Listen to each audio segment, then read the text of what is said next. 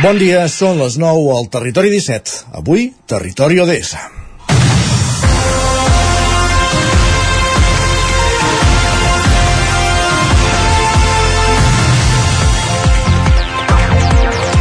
És divendres 17 de novembre de 2023, edició especial del Territori ODS, avui des de Sant Feliu de Codines. Gemma Permanyem, Ona Codinenca, benvinguda, bon dia.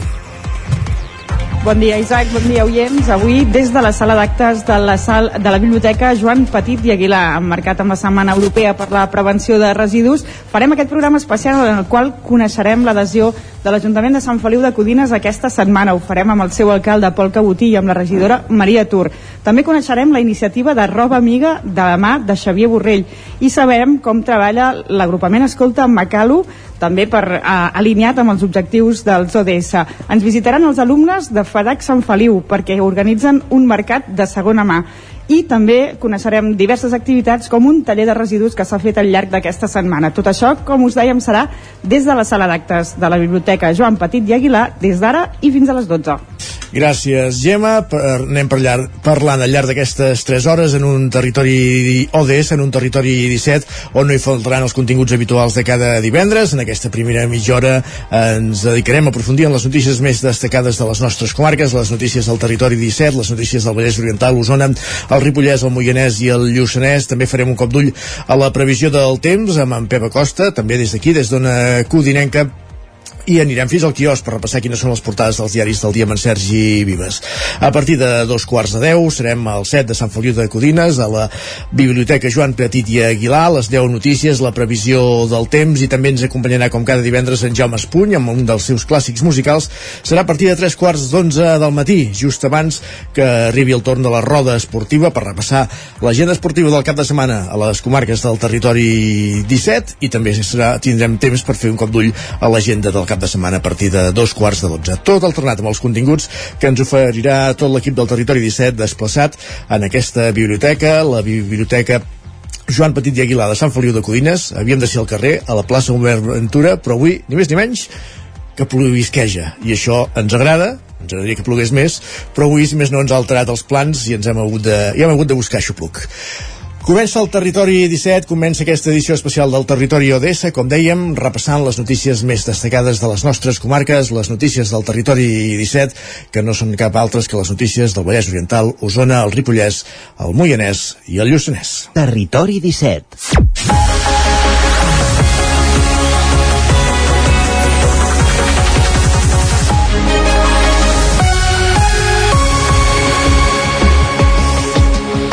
I comencem aquesta ruta informativa pel Ripollès. El projecte de, del telecabina de Vallter costarà 34 milions d'euros, però encara no disposa del finançament. Isaac Muntades, avui desplaçat a Sant Feliu de Codines, des de, de la veu de Sant Joan. Benvingut, bon dia.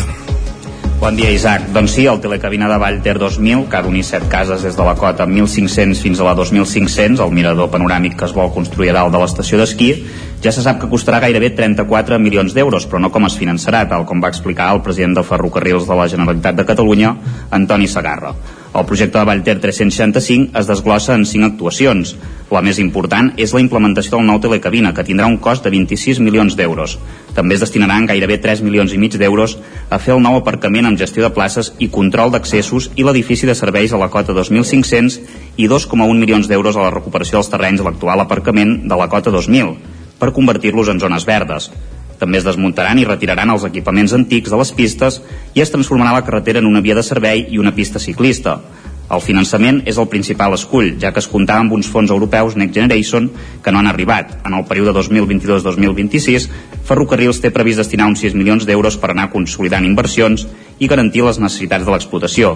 Sagarra va explicar d'on s'havien de treure els diners. Hi ha una part d'aquests fons que us deia, del milió 200 per any, per 6 anys, 6, 7, 8 milions d'euros, que podem dedicar-hi perquè això substituiria els telecadires. Hi ha una altra part que podem rascar de romanents, d'inversions que tenim a, a ferrocarrils. Una altra part petita. En cap cas ens cobreix els 34 milions d'euros. En paral·lel, estem treballant a ferrocarrils com podem aconseguir aquests fons. O diners addicionals que ens pugui donar el govern, l'estratègia Pirineus, alguna subvenció d'algun altre departament, aquí pot jugar el departament de turisme, aquí pot jugar el departament d'empresa, aquí pot jugar des del, sens dubte, pot jugar el departament de medi ambient, aquí pot jugar el departament de territori, Telecabina anirà de la cota 1.500 a la 2.100 i des d'allà es combinarà el Telecabina amb el Telecadira a l'hivern fins a la cota 2.500. Allà s'hi ubicarà un mirador panoràmic. La intenció és que Vallter 2000 es converteixi en una estació de muntanya com Vall de Núria, amb activitats tot l'any i en què no s'hi pot arribar en cotxe. En aquest cas, la carretera d'accés a l'estació es destinarà als ciclistes per potenciar el cicloturisme. El Telecabina es convertiria en l'únic accés, es traurien els cotxes de dalt i s'eliminaria l'aparcament per naturalitzar-lo. Només amb això l'estació seria més sostenible i es calcula que la reducció reducció de la petjada de carboni seria d'1,3 milions de quilos de diòxid de carboni per any. Per ell mateix, el Telecabina ja traurà molts visitants perquè serà un al·licient turístic. Gràcies, Isaac. Més qüestions. L'Ajuntament de Vic ha finalitzat la instal·lació de plaques solars fotovoltaiques a l'escola Bressol als Caputxins, l'escola Andersen i el recinte firal al Sucre Sergi Vives, al 9 FM. Precisament a la taulada de l'escola Bressol Municipal als Caputxins s'hi poden veure dos tipus de plaques fotovoltaiques. Les més verticals, més antigues, són les d'energia tèrmica que ja es poden, que ja es fan servir per a l'aigua calenta sanitària i ara s'hi ha col·locat una nova instal·lació solar fotovoltaica de 25 quilowatts amb la qual es pretén abastir el consum elèctric de l'edifici. Han, hagut, han tingut un cost de 181.000 euros i un 90% els ha finançat la Diputació de Barcelona. En el el marc del programa Renovables 2030, l'Ajuntament de Vic també ha col·locat plaques solars a dues taulades municipals més, la de l'Escola Andersen, de 20 quilowatts, i el recinte Firal del Sucre, amb 120 quilowatts. En parla la regidora de Medi Ambient, Esther Coma. Estem intentant crear un teixit d'edificis municipals amb coberta fotovoltaica per optimitzar el nostre consum, per uh, reduir les emissions a base de reduir el consum de la xarxa i també per aprofitar doncs, l'energia solar. Amb això el que volem fer és crear una xarxa, una comunitat energètica amb els edificis municipals perquè mica en mica i a la que anem fent totes les instal·lacions doncs puguem fer l'autoconsum compartit entre els diferents edificis. La idea doncs és fer xarxa d'autoconsum que pretén que quan hi hagi edificis amb poca demanda energètica altres se'n puguin beneficiar.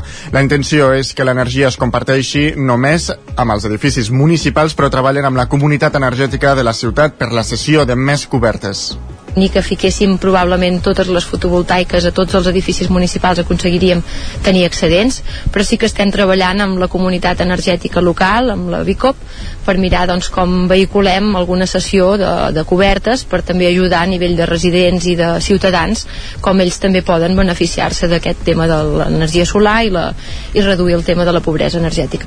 L'Ajuntament preveu destinar 350.000 euros anuals a fer instal·lacions fotovoltaiques i també vol demanar més ajuts. Per ara ja tenen quatre projectes més agendats per cobrir més taulades amb plaques solars. Tres seran a les escoles Salaric, Vic Centre, la Sínia i el quart a la Guàrdia Urbana. I també en el marc del programa Renovables 2030 de la Diputació, Torelló finalitza les obres d'ampliació dels panells fotovoltaics de les cobertes de les escoles Fortià Solà i Vall del Gès. Al Fortià Solà hi han col·locat 178 nous mòduls que compensaran un 70% de l'energia que s'hi consumeix i suposaran un estalvi de 32.000 euros. A l'escola Vall del Gès s'hi han instal·lat 169 mòduls que permetran produir un 72% de l'energia que consumeix el centre i un estalvi econòmic de 18.120 euros. Per part de l'energia també s'aprofitarà per a altres equipaments municipals. El cost de les dues instal·lacions ha estat d'uns 260.000 euros que ha subvencionat la Diputació. Més qüestions on neix el projecte de les trobades intergeneracionals per acostar els residents de les residències de Sant Antoni i Vilamajor amb els joves de l'Institut. Enric Rubio, Ràdio Televisió Cardedeu i també desplaçat avui a la Biblioteca de Sant Feliu de Codines. Així és, Isaac. Primer de tot, deixa'm donar les gràcies als companys que han muntat tot això aquí, que és espectacular, tot i la improvisació que hem hagut de fer última hora. Bé, anem a la notícia. Recentment, les regidories de Benestar i Família de Gent Gran de l'Ajuntament i en col·laboració de l'Ajuntament de Sant Pere de Vilamajor han posat en marxa una iniciativa per apropar la gent gran de les residències amb els i les joves de l'Institut Vilamajor. El projecte busca connectar aquests dos segments i que l'alumnat pugui conèixer i empatitzar amb les necessitats de les persones grans, descobrir de primera mà què passa en aquesta etapa de la bellesa, quines dificultats tenen, així com conscienciar i informar sobre els maltractaments a la gent gran. La setmana passada, les treballadores socials dels dos municipis van visitar el centre de secundària per presentar aquest projecte de treball intergeneracional.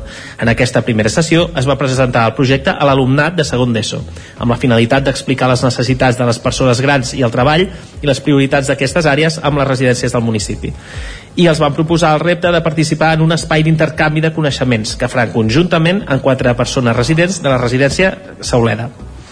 Un cop exposat el context del projecte, l'alumnat va acceptar el repte de convidar a través d'un vídeo els usuaris de les residències per poder fer una trobada a l'institut. Aquesta primera trobada busca un primer contacte de posada en comú per parlar de temes i de les diferències intergeneracionals del curs de la vida, on l'alumnat va mostrar un gran interès i molta empatia cap a les persones grans. Així que el pròxim 1 de desembre es durà a terme la primera sessió amb la residència Sauleda i paral·lelament s'està gestionant també la proposta amb la resta de residències del poble per tal de poder fer créixer la iniciativa i mantenir les jornades intergeneracionals a l'institut.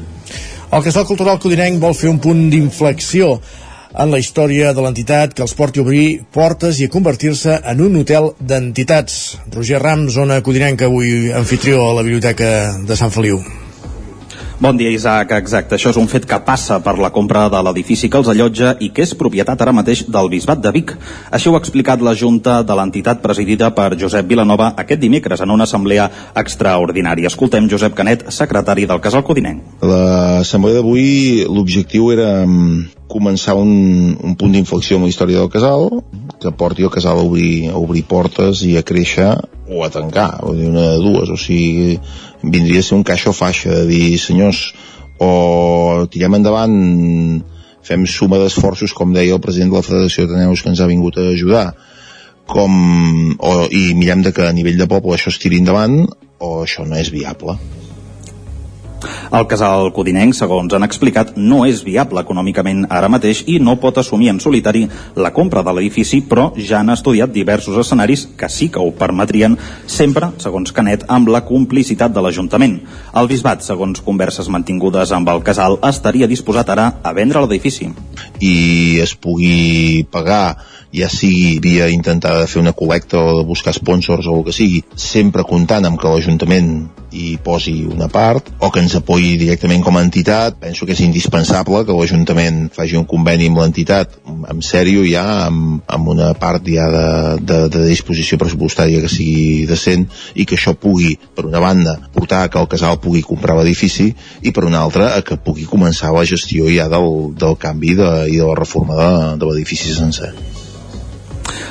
Per posar-nos una mica en context, l'edifici del Casal Codinenc es va començar a construir ara fa 49 anys i no s'ha acabat.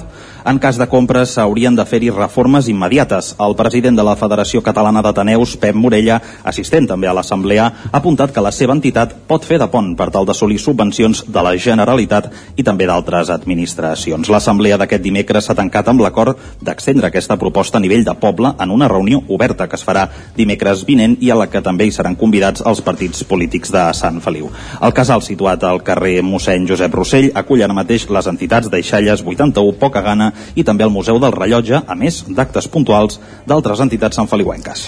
Gràcies, Roger. Més qüestions. La icònica pista de gel de Manlleu, emblema del ba de Nadal a la ciutat, passarà a ser de gel sintètic, és a dir, de no gel. Segons el govern de municipal, amb aquesta mesura es vol reduir l'impacte ambiental i abaratir la factura energètica que suposa anualment la seva instal·lació, Sergi.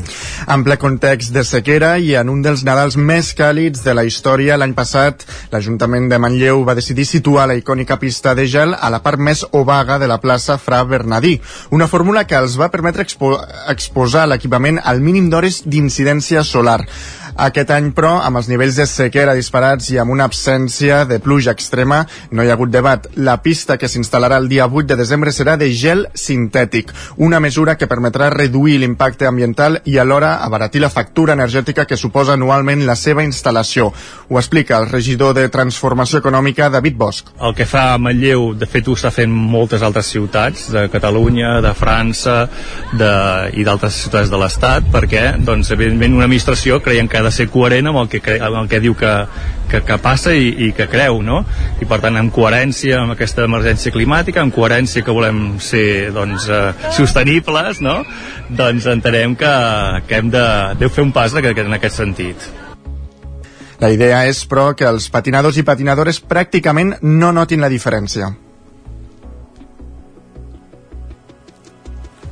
Els patinadors portaran patins de gel, no? patins en fulla, perquè podran lliscar amb aquestes plaques, no? que estan, de fet, estan, a, estan pensades perquè puguin lliscar amb aquests patins de gel, i per tant fins i tot hi haurà unes màquines que, que, que afilaran aquestes, aquestes fulles d'aquests patins de gel, però el que passa és que no serà gel, no? hi haurà tot, una, tot una, uns metres quadrats d'aquesta pista en què la gent podrà patinar, i a banda hi haurà, com comentava, doncs aquests, aquestes altres activitats, com un parc d'aventures, que, que la gent podrà fer-lo, i un tobogan que la gent podrà gaudir del Nadal com, com sempre esperem que, que, que ha fet fa més de 20 anys.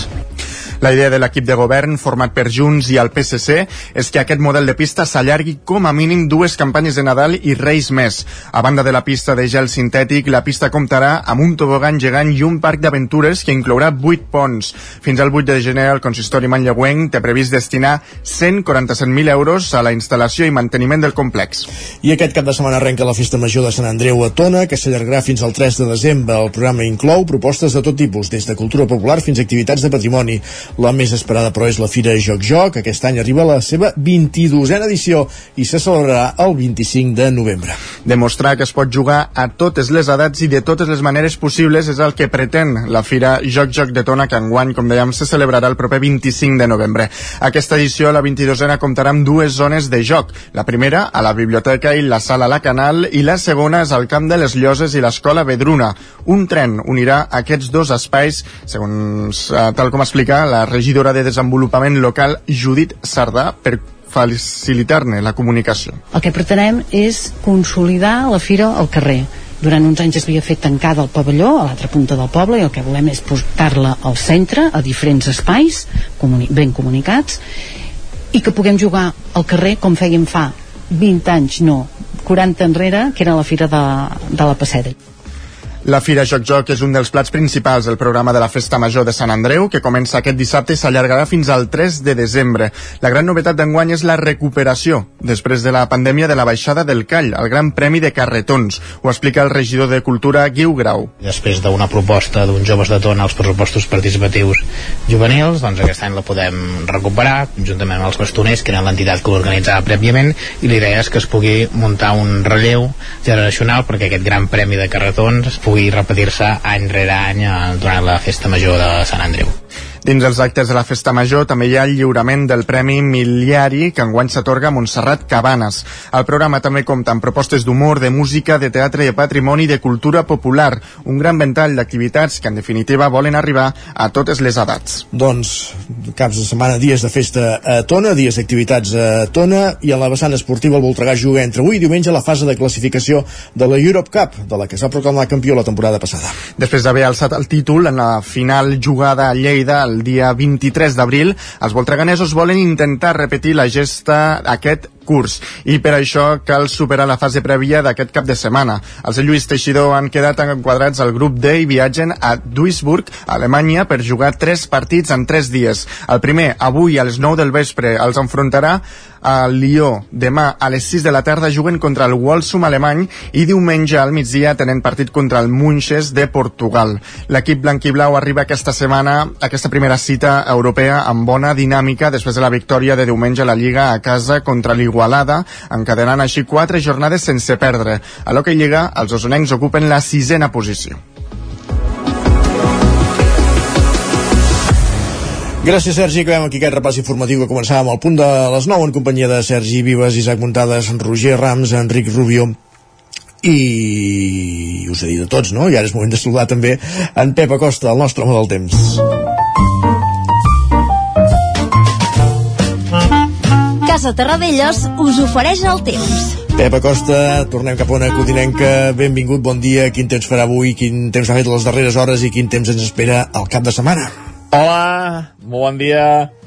Benvinguts a l'Espai del Temps. Avui, edició especial del programa eh, des del meu poble, des de Sant Feliu. Per tant, una salutació a tota la gent de, de Sant Feliu. Espero que estigueu molt bé.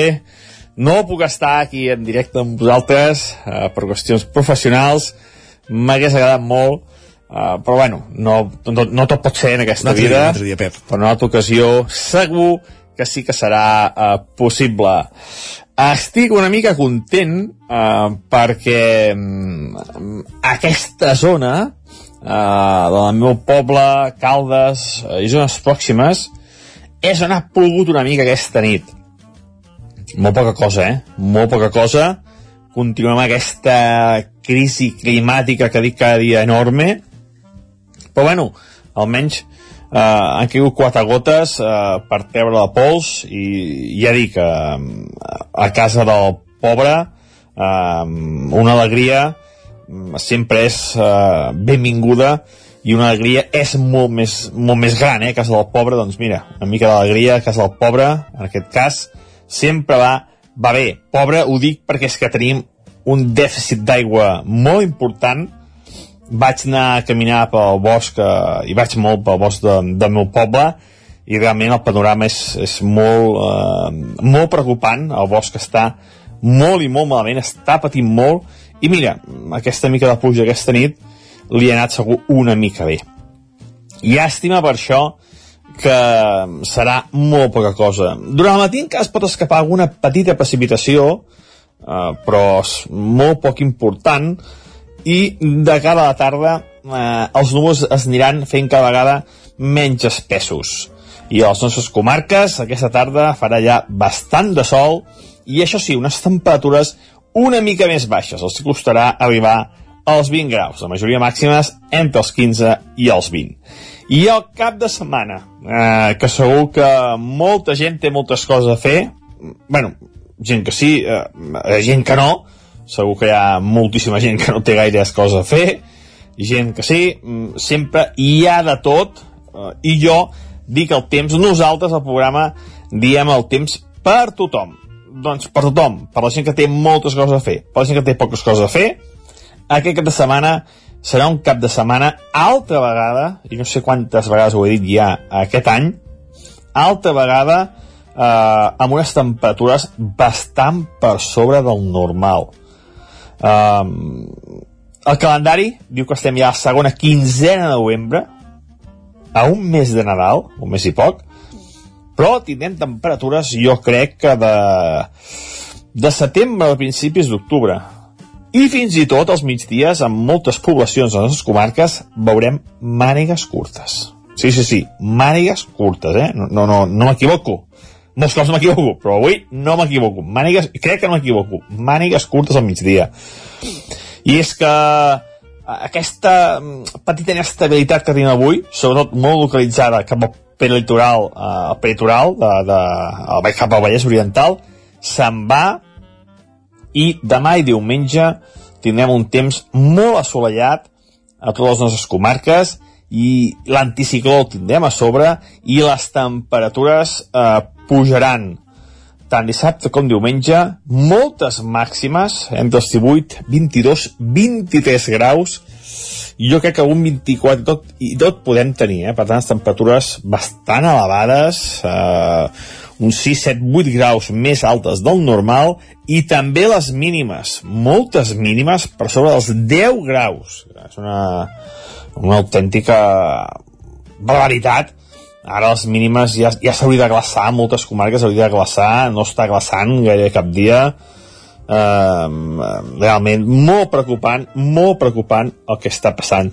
Durant tota cada setmana, ni una precipitació a cap de les nostres comarques, vents molt febles de direcció variables i molt poca cosa més a destacar pel que fa al temps. Moltes gràcies i fins aviat. Bon cap de setmana. Adeu tan aviat com d'aquí una estona. Gràcies, Pep. Nosaltres que avancem aquí al territori 17 i tot seguit el que fem és anar ràpidament cap al quiosc. Casa Tarradellas us ha ofert aquest espai.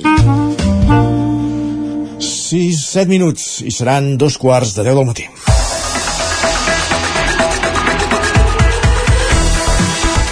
Moment de repassar, com dèiem, doncs, les portades dels diaris. Sergi, què destaquen avui? Avui que és dilluns, vendres, i per tant comencem per les dues edicions del 9-9. Així és, comencem per la d'Osona comencem per la d'Osona, el Ripollès i el Lluçanès, on ens diuen que Osona i el Moianès són les comarques on han mort més arbres per la sequera. Diuen que l'afectació és general a totes les espècies, però el pi roig és el que n'ha resultat més castigat. I, de fet, eh, la Generalitat doncs, ha impulsat una tala d'arbres eh, morts eh, i, de fet, a la fotografia veiem uh, aquesta imatge uh, d'aquests dies que s'estan uh, fent una tala d'arbres a prop del santuari de l'ajuda a Balenya. A la portada del Vallès Oriental del 9-9 ens diuen que el cap de Cardedeu està en punt crític perquè només té un terç dels metges necessaris. Expliquen que els sanitaris denuncien que dels 12 metges que pertocaria només n'hi ha 4 i mig i també destaquen la, la consternació a Vilanova per la mort d'un noi de 17 anys a l'hospital que es va accidentar amb la moto divendres passat. déu nhi Titulars que trobem les dues edicions del 9-9, la del Joan Ripollès i el Lluçanès i la del Vallès Oriental, anem ara per les, pels diaris que s'editen a Barcelona, suposo que amb Pedro Sánchez com a protagonista. Així és, per exemple, el punt avui encapça la portada amb el titular President Collat. Diuen que Pedro Sánchez és investit amb 179 vots previstos, però amb el suport condicional de catalans i bascos i la dreta revoltada. El periòdico es pregunta si Pedro Sánchez està lligat de peus i mans. Diuen que afronta un mandat incert després de ser reelegit amb 179 vots. La Vanguardia diu que Sánchez eh, en, en, encara eh, més difícil aquesta legislatura. El president diu que afronta la legislatura més complexa després de superar amb un ampli avantatge la tercera investidura. Explica que el PSOE haurà d'assolir equilibris ardus amb l'independentisme i amb el seu flanc esquerre. Anem a repassar portades espanyoles. El país destaca la majoria absoluta per Sánchez i ho fa amb una mm, foto brutal on es veu Sánchez aplaudint mirant la bancada socialista mentre a la seva esquena hi ha Feijo plantat amb les mans a la butxaca esperant per poder-lo felicitar. De fet, al moment de saludar-lo, el líder del PP li va dir això és un error.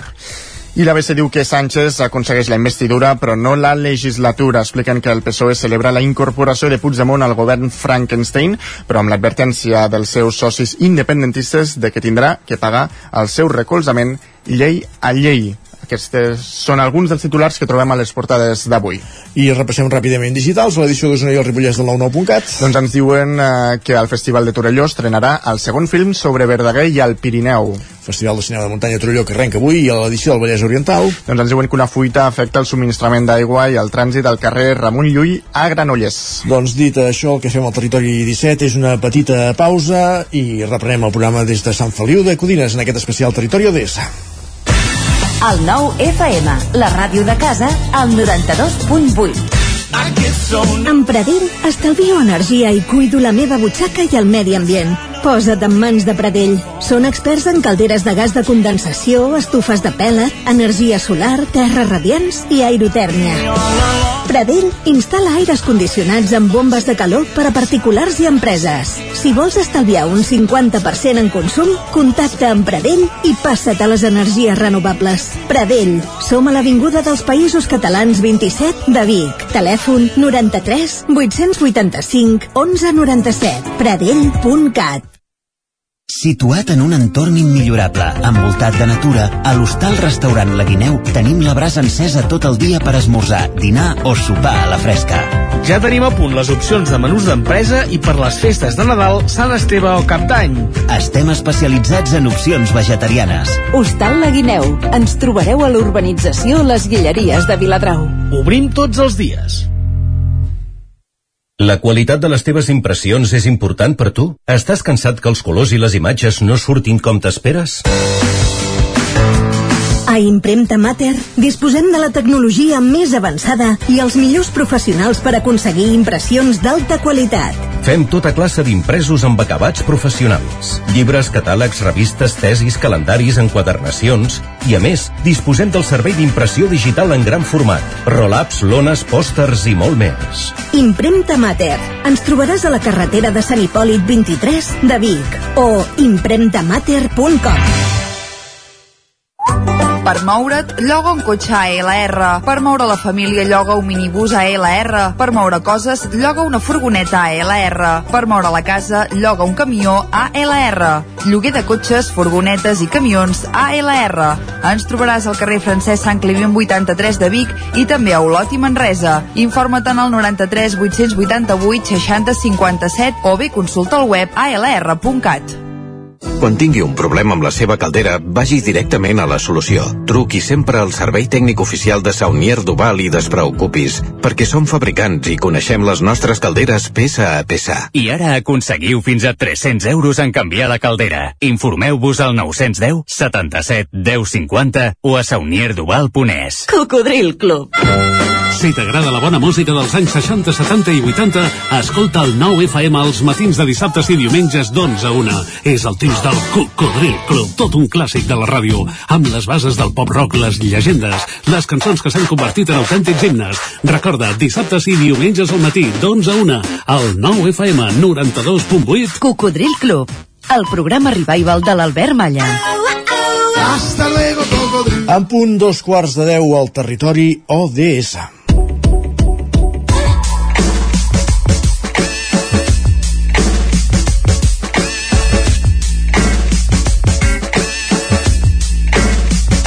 Doncs anem cap a la Biblioteca Joan Petit i Aguilar de Sant Feliu de Codines. Allà ens hi esperen Roger Rams, l'Isaac Montades, l'Enric Rubió, amb el primer convidat del matí.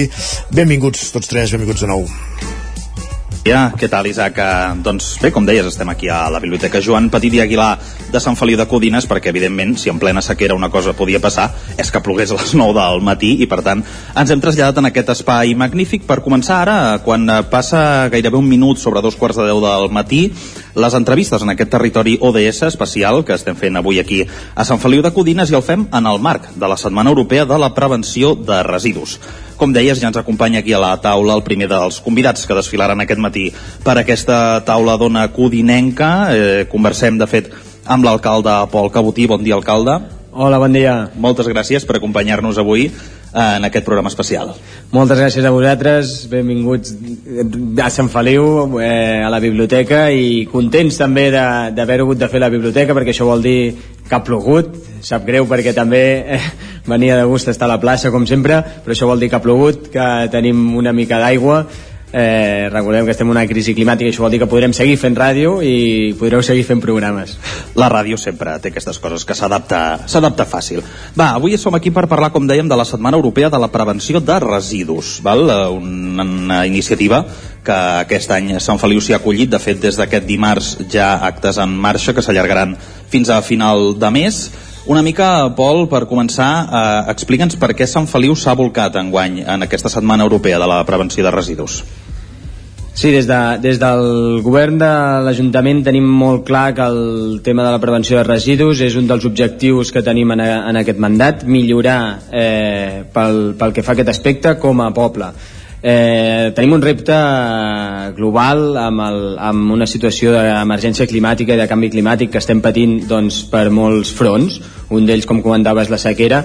I la prevenció de residus al final és una manera doncs, de, de, de reduir aquest impacte negatiu doncs, que, doncs, que tenim com a societat amb el, amb el planeta recordem sempre, no ens cansarem de recordar les 3 R's, aquí ho diu en l'eslògan de la Setmana de Prevenció de Residus que de fet comença demà, nosaltres ja hem fet prevenció de prevenció de residus començant el dia, aquesta setmana ja. I deia plegats reduir és actuar no? la primera R sempre és reduir. A vegades eh, ens pensem i que, que la prevenció de residus és només reciclar quan reciclem és que el residu ja l'hem produït però la importància aquesta de aconseguir reduir el, el, els residus. I per això hi ha tot un seguit d'activitats que, que el que fem és abordar el, la prevenció de residus des de, des de molts punts de vista diferents amb molt tipus, tipologia d'activitats diferents i per, sobretot per totes les edats. Intergeneracionalment eh, hi ha activitats per totes, per totes les edats. Bon dia, alcalde. Moltes gràcies per, per acollir-nos aquí en, aquesta, en aquest fantàstic espai d'aquí de Sant Feliu de Codines moltes gràcies per ser uh, amb, amb nosaltres al territori ODS uh, de fet ara, ara abans ho dèiem eh, també sap, greu no haver-ho pogut fer perquè tenia una plaça magnífica que no, no ho hem dit abans i just ara també surt una mica el sol eh, que també això és una mica uh, ens sap una mica de greu perquè realment és, és fantàstic. Uh, seguint una mica amb el, amb el que dèiem eh, l'objectiu de fer activitats per a, per a diferents públics des de jocs infantils fins, fins a xerrades i, i tallers o al mercat de, la, de segona mà que es muntarà el, el proper dilluns 27 de novembre aquí a la plaça una mica, en certa manera, es vol implicar tota la població en aquesta prevenció de residus, que això és el més important, que tothom s'hi sumi, no? perquè si, si ho fan uns i els altres no, no avancem. Sí, correcte. Eh, al final el que, el que hem d'intentar, el, el que hem de provocar aquí és un canvi de mentalitat. Fa molts anys eh, que ja estem treballant. Vam començar, jo crec, com a, com a societat i com a país doncs, a, a conscienciar-nos de que havíem això, no? de reciclar, de què en fèiem amb els residus. Jo crec que comença hem d'anar un pas més enllà. Tampoc només hi ha tres tipus de residus amb els tres colors sinó que tenim molts altres tipus de, de residus que cal posar sobre la taula i per això també per exemple doncs, hem, hem volgut muntar actes implicar els, els centres educatius amb, el, amb, el, amb la feina que estan fent també roba amiga amb tots els residus tèxtils doncs, que, que, que també tenen un pes important Mm. De fet, en aquest programa especial al llarg del matí aniran passant també la gent de Roba Amiga, també alguns dels alumnes que participen en aquestes activitats. Jo, però, ara vull posar el focus en l'acte central. L'acte central, que serà aquest dissabte a la tarda, que es titula Tenim la teva bossa, en el qual el que fareu, o faran, ara ens ho expliques, eh, alcalde, és analitzar diverses bosses de les que es treuen diumenge aquí a Sant Feliu, que són les del rebuig. Com ens hem d'imaginar aquest acte? M'agradaria parlar primer de per què fem aquest acte, no? Abans deia, ostres, aquest acte sí que està molt centrat, aquí a Sant Feliu som un dels municipis pioners amb el, amb el porta a porta, és un sistema doncs, que està donant uns resultats, uns, uns índexs de reciclatge molt, molt bons, i Sant Feliu fa molts anys que l'estem fent, però no està donant els resultats que hauria de donar Eh, fa molts anys que ens movem entre el 50 al 60%, ara mateix un 62% de reciclatge, i això és un tenim un objectiu de millora aquí perquè ens hem de situar amb números com per exemple els de Santa Eulàlia Ronçana, que està en un 90%. Ara veia també Sant Joan de les Abadeses, m'he repassat un moment les dades, que em sembla que és l'únic municipi del, sí, del sí. Ripollès que fa porta a porta i que també té una, unes dades d'un 75%. Hem d'estar en aquests números. Llavors, per estar en aquests números hem, hem de millorar i el que hem de millorar sobretot aquí al final el, la tendència que tenim també és de doncs el diumenge es treu rebuig i per tant el diumenge ho puc treure tot no? i aquesta dinàmica és la que hem de canviar insisteixo, hi ha, hi, ha, hi, ha molts, hi ha molts ciutadans que ja ho estan fent bé eh? però posem el focus en dir, ostres, anem un pas més enllà realment el diumenge seria ideal poder treure tan poc que en poguéssim fer un cada 15 dies recollir el rebuig cada 15 dies això és, és un objectiu que tenim llavors, L'acte aquest consisteix en això. El diumenge passat es va, es va fer agafar unes mostres de, de bosses que, que es treien i, el, i tindrem doncs, aquesta actuació, aquest, eh, aquest, aquest acte amb més format eh, teatral, si, si, si, si, si em permeteu, eh, al mig de la plaça, on direm a veure com de bé o com de malament estem traient eh, les escombraries de Sant Feliu. Això ho hem visibilitzat amb un contenidor eh, al, al mig de la plaça que crida molt l'atenció, al final és un reclam i també doncs, durant tota la setmana doncs, hem pogut sentir el, el, els veïns que passejaven per la plaça dir sí, sí, és que és molt necessari eh, treballar amb això perquè això només la presència del contenidor ja interpel·la a tothom i ja fa que tothom faci una reflexió. Per tant, l'acte sí que es concentra el dissabte, però realment ha sigut des del dilluns fins al dissabte que aquest contenidor està aquí i que, per tant, ens va, fer, ens va fent pensar amb, amb el tema dels residus. Ara, si, et sem... bueno, si tens alguna no, pregunta, Isaac. Sí, anava a dir, tenia una curiositat, perquè això no deixa de ser una autòpsia de, de residus. Dèieu que heu agafat una sèrie de bosses, això entenc que són bosses a l'atzar de, de veïns, no? I, I aquí es desplegaran, entenc, davant de tothom no? el que hi ha. La realitat és que ve un equip extern un equip extern eh, d'analitzadors de, de bosses. Evidentment aquestes bosses passaran un filtratge vull dir per, per tema de, de protecció de dades. Sabem doncs, que hi ha tot una, tot una polèmica al voltant d'obrir bosses. Per tant ens assegurarem doncs, que això no comprometi la, la, la protecció de dades. Però vindrà un equip extern doncs, que, que, que vindrà, mm, analitzarà i entregarà els resultats doncs, de, de, de què s'ha trobat Ara, si li sembla, alcalde, fem una cosa, posem una mica de dades, perquè ara comentaves que eh, es mouen les xifres entre els 50, els 60 i escaig. Fa pocs dies l'Agència Catalana de Residus de Catalunya feia públiques les dades de recollida selectiva municipi per municipi i com dèiem, malgrat ser Sant Feliu un dels pioners en tot el país en implantar el sistema porta a porta, les dades, la realitat és que estan estancades. És a dir, el passat 2022 un 61,7% dels residus va ser el que es va, el que es va reciclar correctament, diguem, al municipi. Una xifra que m'ha cridat l'atenció que és inclús més baixa que la del 2021, a la que fregava el 65%. Uh, ara parlàvem molt del rebuig. Uh, el rebuig és el principal, uh, diguem, uh, problema que té el porta a porta o quines més mancances heu detectat? Sí, Clar, el rebuig és el principal problema perquè l'índex aquest, al final, eh, si el 62% que parlaves ara de recollir selectiva vol dir que el 38%, o sigui, el que ens falta és resta, és rebuig, és a dir, és el que traiem els ciutadans el diumenge i, i, i els altres productors de residus doncs, doncs potser durant la setmana. Llavors, es tracta de millorar això. També pensant en una cosa, eh, i, i, i abans de respondre la pregunta sí que m'agradaria dir-ho. Hi ha una, una normativa que obligarà doncs, l'any 2005 al 2025 doncs, a que a la taxa de residus cobreixi la integritat del, del cost que té el servei de recollida més la gestió d'aquests residus. Això implicarà segur a molts municipis eh, incrementar eh, aquestes taxes, a nosaltres segurament també, perquè ara mateix el servei, no, és a dir, amb la taxa no està cobrint.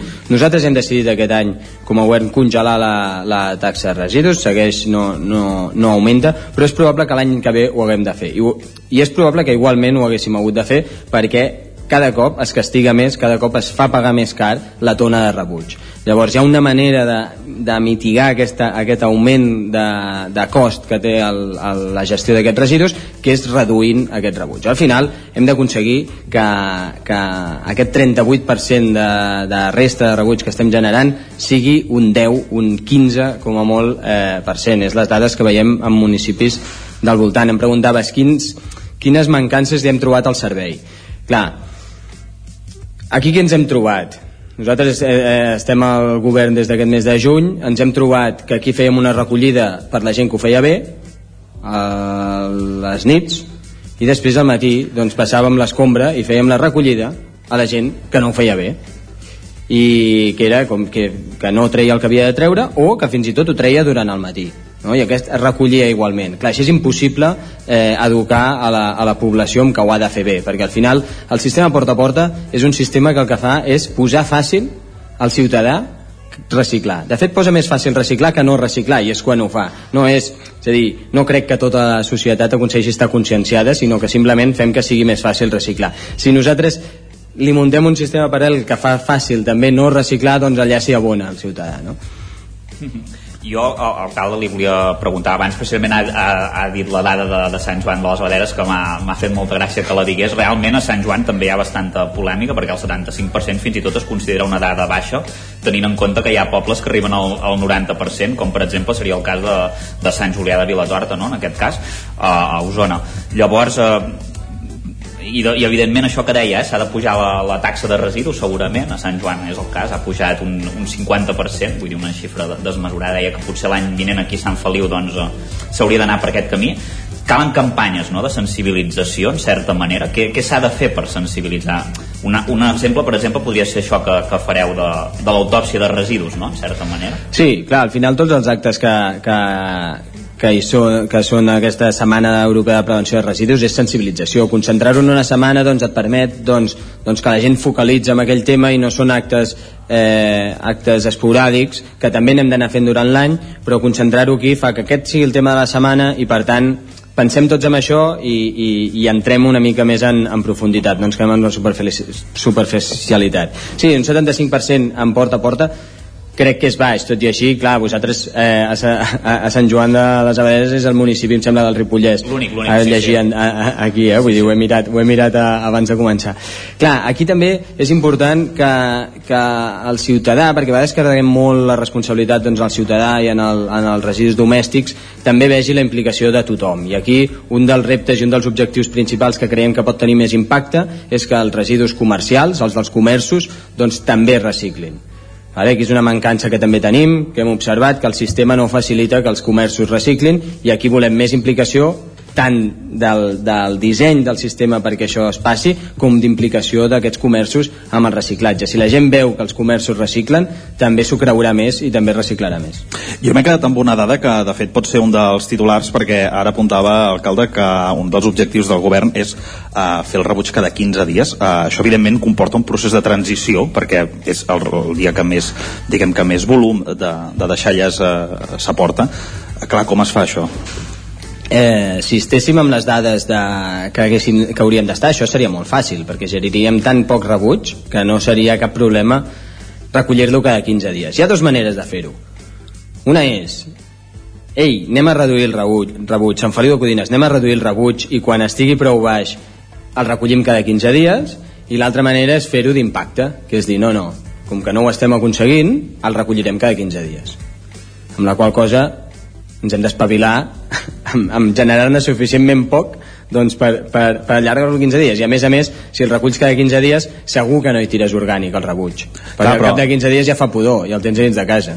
Llavors ens, ens podem trobar que si aquesta mesura diguem eh, s'apliqués de cop ens trobaríem amb un autèntic mar de bosses i fins i tot sacs que és un dels temes que també al rebuig la gent eh, li agrada, diguem així eh, clar, com, és a dir hi hauria un procés de transició o, o, o clar, és, quina és, és l'aposta? Si ho fem, de moment, de moment l'aposta és eh, confiant en, per les bones, no? De dir, confiem, demanem, i això segur que, segur que millora. Si nosaltres ens hi posem com a Ajuntament, segur que millora. Però després, bueno, evidentment, eh, si hi ha gent doncs, que no ho entén o no ho vol fer, doncs tu no pots treure el sac el dia que et dona la gana, no pots treure escombraries al carrer el dia que et dona la gana, per tant aquí doncs eh, seguirem i si cal aplicar doncs, una, una sanció doncs s'aplicarà com, com, com si és a dir, com en qualsevol altre cas que el ciutadà no, no, no segueix doncs, les normes del joc no?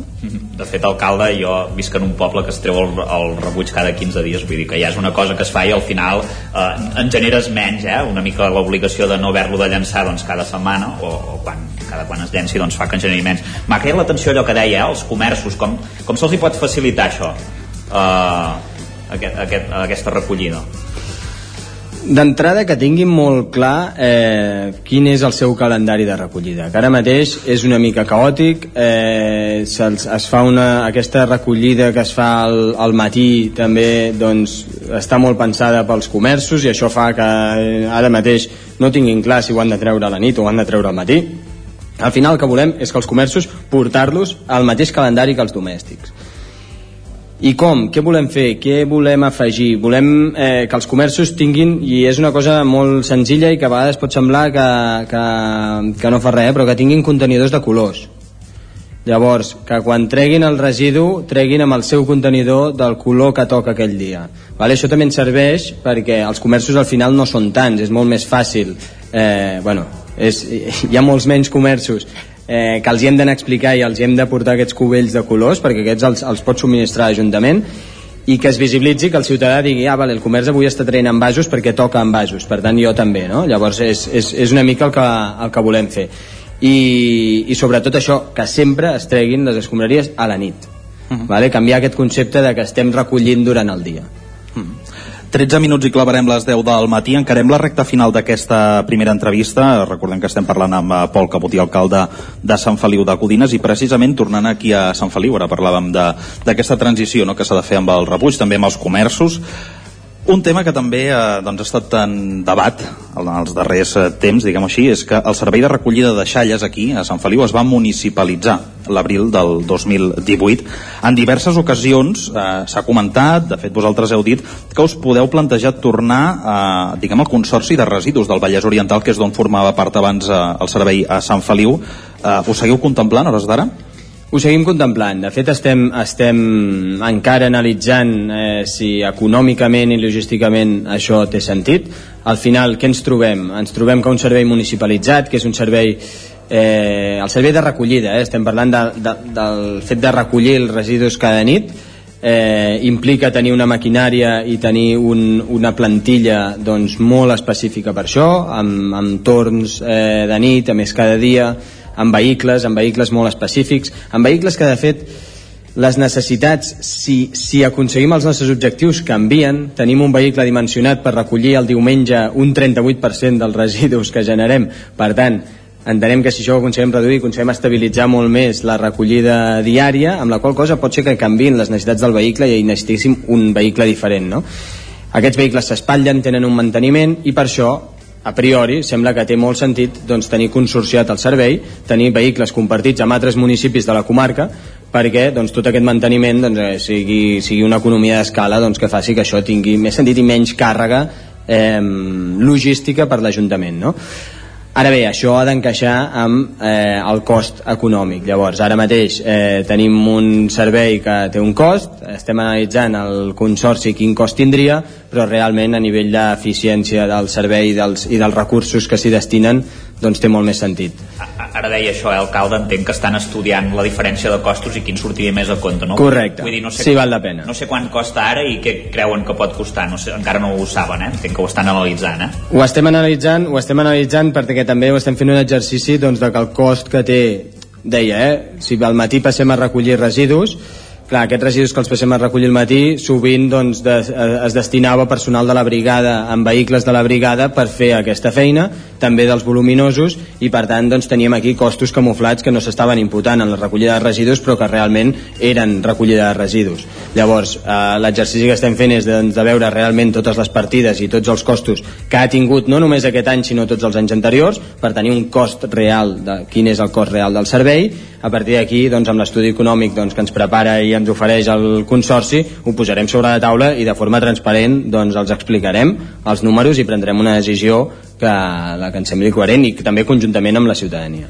Ara ens comentava l'alcalde no, que la voluntat hi és, que s'està estudiant. Eh, imagino que hi ha hagut alguna trobada, algun contacte per part del Consorci, eh, també hi estarien eh, plenament disposats, eh? Sí, sí, sí, al final el Consorci eh, és, és un consorci de, de municipis eh, i, i el que fan és donar servei als municipis, per tant en el moment que reben l'encàrrec de l'Ajuntament de, ostres, volem que ens estudieu econòmicament aquesta possibilitat doncs ells posen els mitjans eh, ho estudien i ens entreguen doncs, aquest, aquest estudi, aquesta oferta, aquesta proposta econòmica Perfecte, alcalde. Si li sembla, ja per acomiadar aquesta entrevista, aquesta primera entrevista que estem fent des d'aquí, des de la Biblioteca Joan Petit i Aguilar de Sant Feliu de Codines, si li sembla, fem un petit repàs a, als actes que s'estan fent en aquesta Setmana Europea de la Prevenció de Residus.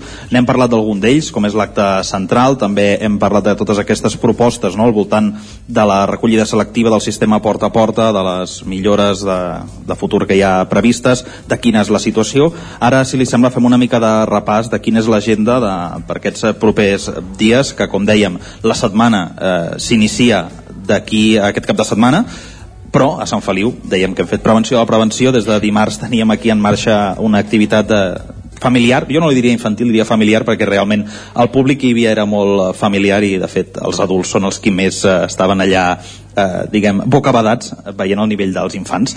Per tant, una mica el, el repàs d'activitats al marge d'aquesta activitat familiar, d'aquest programa especial que estem fent aquí del territori 17, en què estem també doncs, abordant tota la situació i tota aquesta setmana, què més, què més tenim eh, pels propers eh, dies?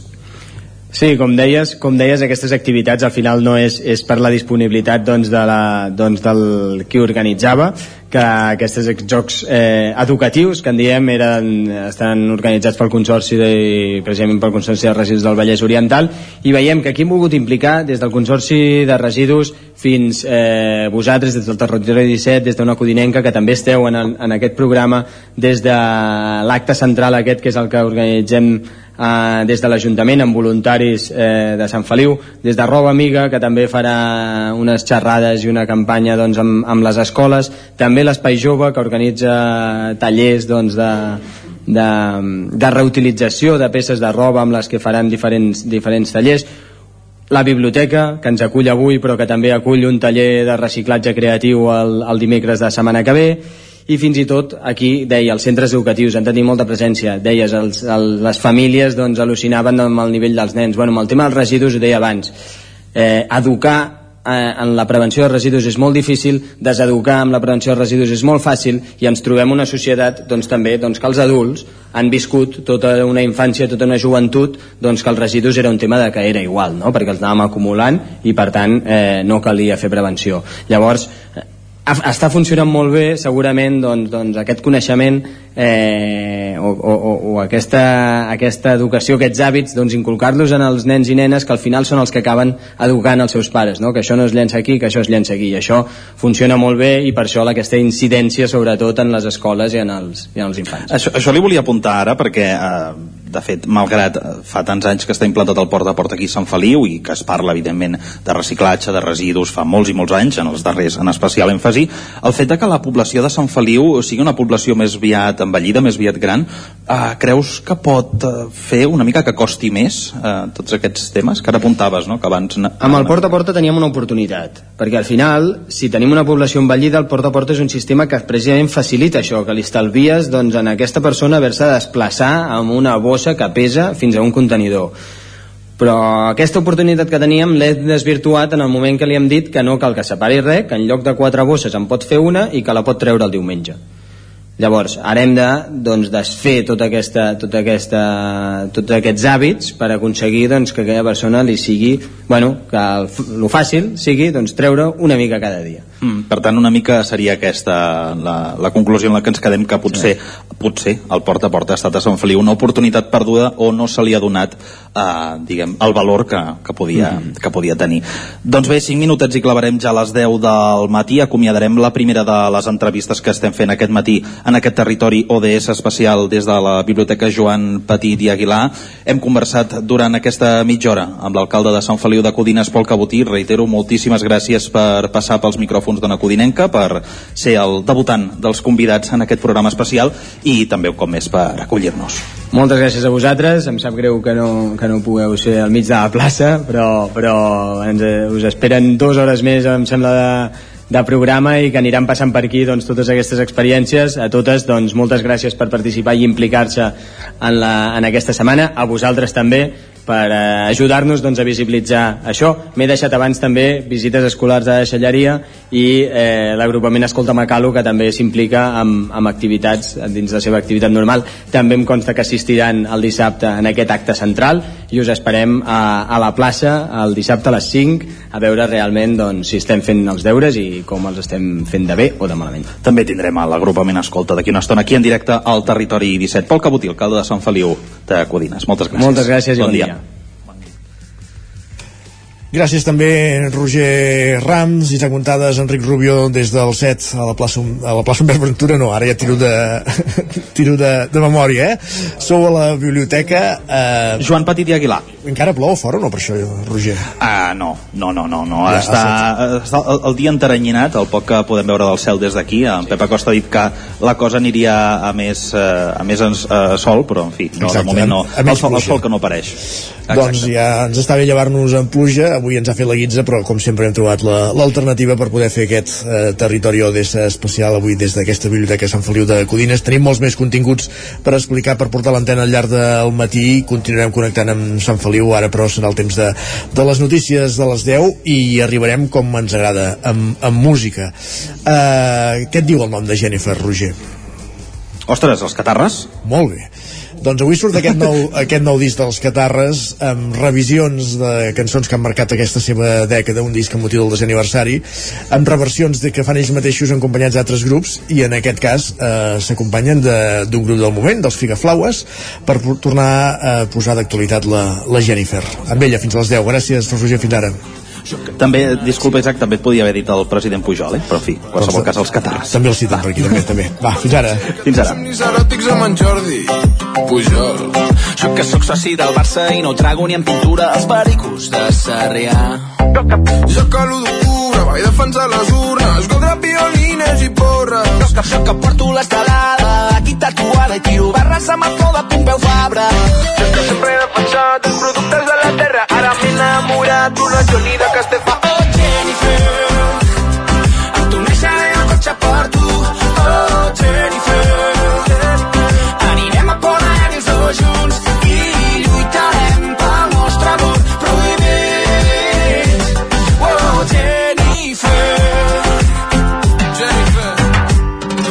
sóc més català que el pit de les tres branques o la guita de la patú. Jo que sóc un gran entès de la copla i la sardana i el mundillo casteller. Jo que sóc més radical que un ullent de la sultana. Cremant Urquina, Ona i la Lletana. Jo que de la Rosalia sempre escolto un milionari. Però sóc més de figa, flaues i catarra. Jo que sento devoció pel romesco i els calçots i el pa amb tomàquet sagrat. Jo no guanyo gramis perquè canto en català. No em vacilis amb elits culturals. Jo sóc el que sempre he defensat els productes de la terra. Ara m'he enamorat d'una Johnny de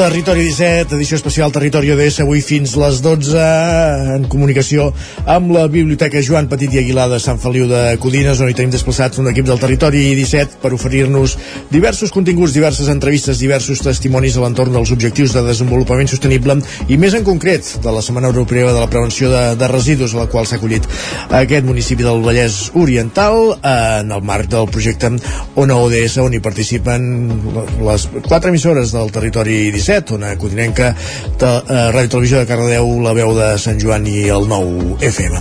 És moment, però, per les notícies, per les notícies de les 10, per explicar-vos aquesta hora al Territori 17, que el conseller Interior Joan Ignasi Helena ha fet entrega dels nous vehicles al cos dels agents rurals i ha apostat per seguir dotant de recursos aquest cos, incorporant recentment al Departament d'Interior. Roger Rams, zona codinenca, desplaçat a la biblioteca eh, Joan Petit i Aguilar de Sant Feliu de Codines.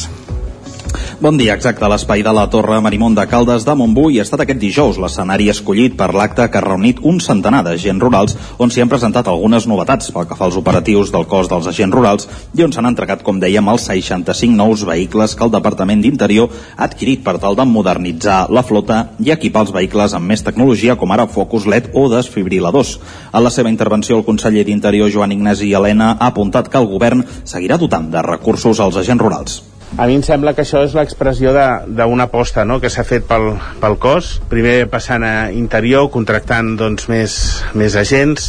Hem fet les promocions, del 55, del 100, dels altres 100, i seguirem així fins a que siguem eh, 800, més mitjans, més agents, més estructura administrativa al servei doncs, de, de, la, de la feina que feu. És un cos que jo crec que ha de tenir molt orgull de cos per la feina que fa, que és, és molt important pel, pel país.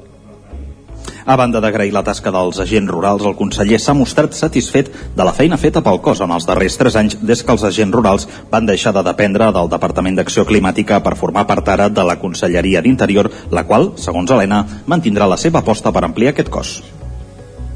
Jo demano que aquesta realitat serveixi doncs, perquè vosaltres us sentiu orgullosos, empoderats com a cos, perquè ho esteu. Només us ho volia agrair doncs, la, la feina que feu i reiterar que això és un camí imparable i seguirem, seguirem contractant nous agents, seguirem creant més estructura i seguirem enfortint el cos que al final jo crec que redunda en, el, en, en benefici dels ciutadans i ciutadanes. Segur que hi ha molts, molts, molts problemes, però jo us demanaria que féssim el favor de mirar tres anys enrere quin era l'escenari, quina era la situació del cos i quina és ara.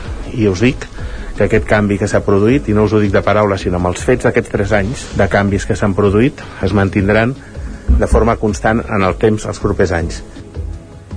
En aquest acte s'hi han presentat també altres novetats a banda dels cotxes, com ara drons, llanxes o equips de rescat. Gràcies, Roger. Més qüestions. No ens movem de la Biblioteca de Sant Feliu perquè arriba el primer concurs de fotografia a Instagram a Sant Antoni de Vilmajor sota el lema Retrat al masclisme. Es farà del 20 al 30 de novembre. Enric, Rubio, Enric Rubio, Ràdio Televisió Cardedeu. Doncs així és, així és Isaac, les regidories d'Igualtat i Comunicació de l'Ajuntament de Sant Antoni de Vilamajor han convocat el primer concurs d'aquestes característiques emmarcat en el 25 de novembre, Dia Internacional per a l'Eliminació de la Violència envers les Dones. El concurs retrata el masclisme, té la finalitat de promoure la participació ciutadana i fomentar la implicació de tots els segments del municipi i especialment el segment més juvenil a través de l'Instagram municipal, així com visibilitzar i conscienciar la població sobre la violència masclista motiu d'aquesta jornada. La fotografia ha de tenir relació amb la lluita contra la violència masclista. Així, poden ser objecte del concurs les fotografies que abordin de diverses formes la, la, formes de violència implícites o explícites vers les dones, bé s'esdevinguin en l'àmbit de parella, familiar, laboral, social o comunitari. El termini per participar serà del 20 al 30 de novembre de 2023 i poden participar majors de 14 anys. Finalment, el jurat triarà dues fotografies guanyadores i les autores de les quals seran premiades amb una càmera Polaroid. Gràcies, Enric. Més qüestions i encara no ens movem de Sant Feliu perquè Isaac Muntades, la veu de Sant Joan, l'escultor Sant Joan i Francesc Fajula obre el seu taller per ensenyar la nova escultura que ha creat i que anirà a una església de Mèxic. Correcte, Isaac. L'escultor Sant Joaní Francesc Fajula obrirà el seu taller aquest dissabte i diumenge de les 11 del matí a dos quarts de dues i de 4 a dos quarts de 6 de la tarda perquè la gent s'acosti a veure la seva nova creació.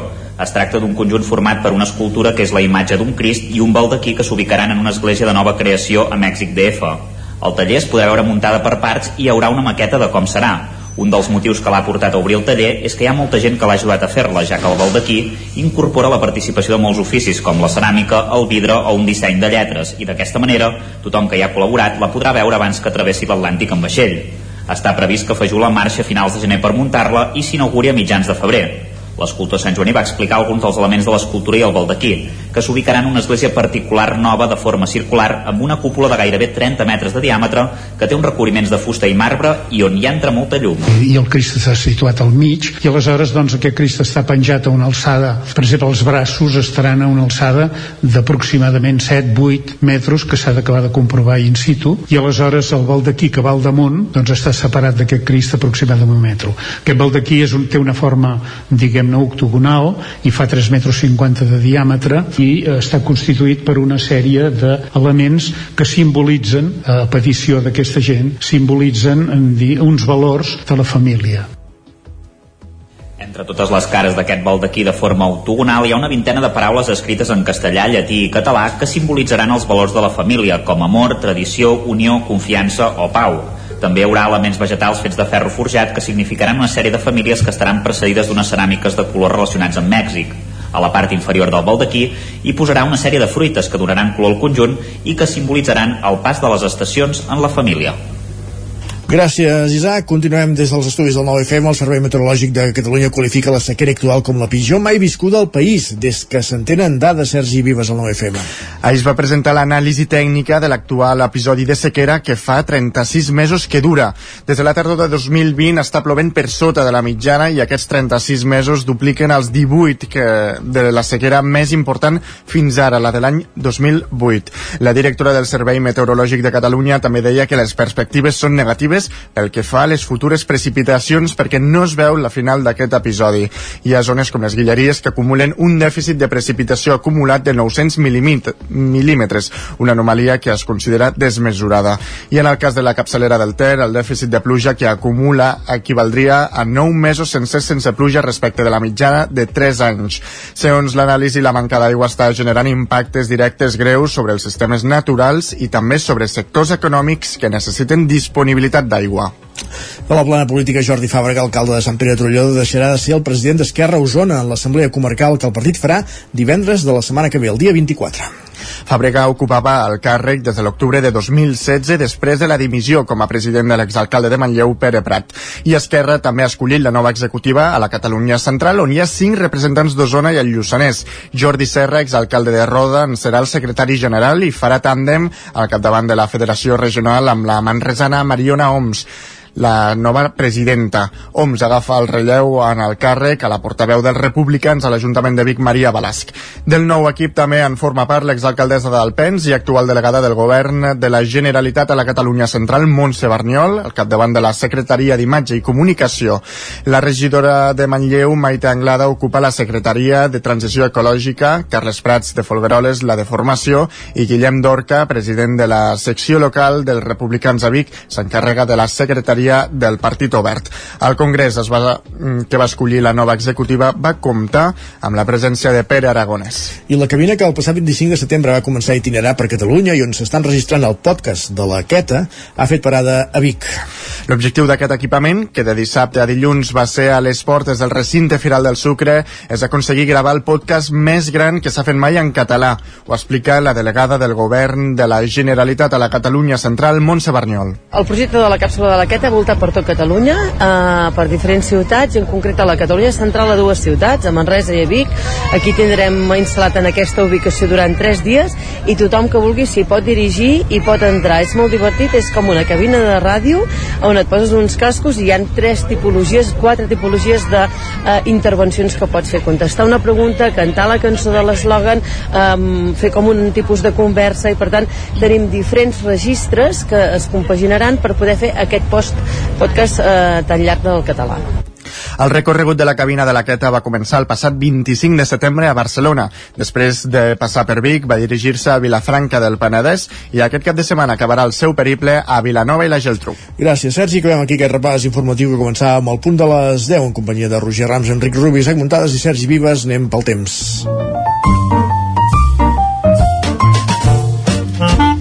Casa Terradellos us ofereix el temps. Pep Acosta, quin temps farà el cap de setmana? Hola, molt bon dia. Benvingut de nou. De cara a la tarda, eh, els núvols es aniran fent cada vegada menys espessos.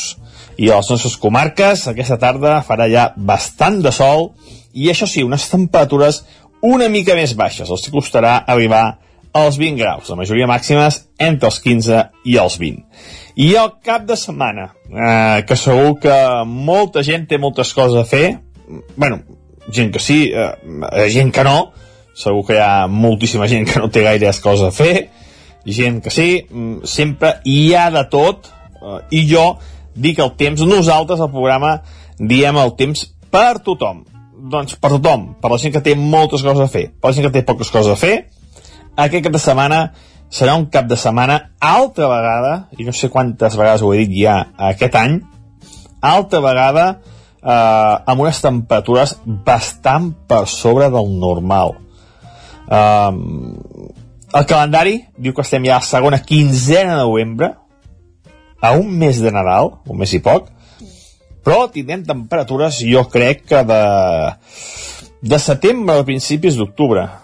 I fins i tot als migdies, en moltes poblacions de les nostres comarques, veurem mànigues curtes. Sí, sí, sí, mànigues curtes, eh? No, no, no, no m'equivoco.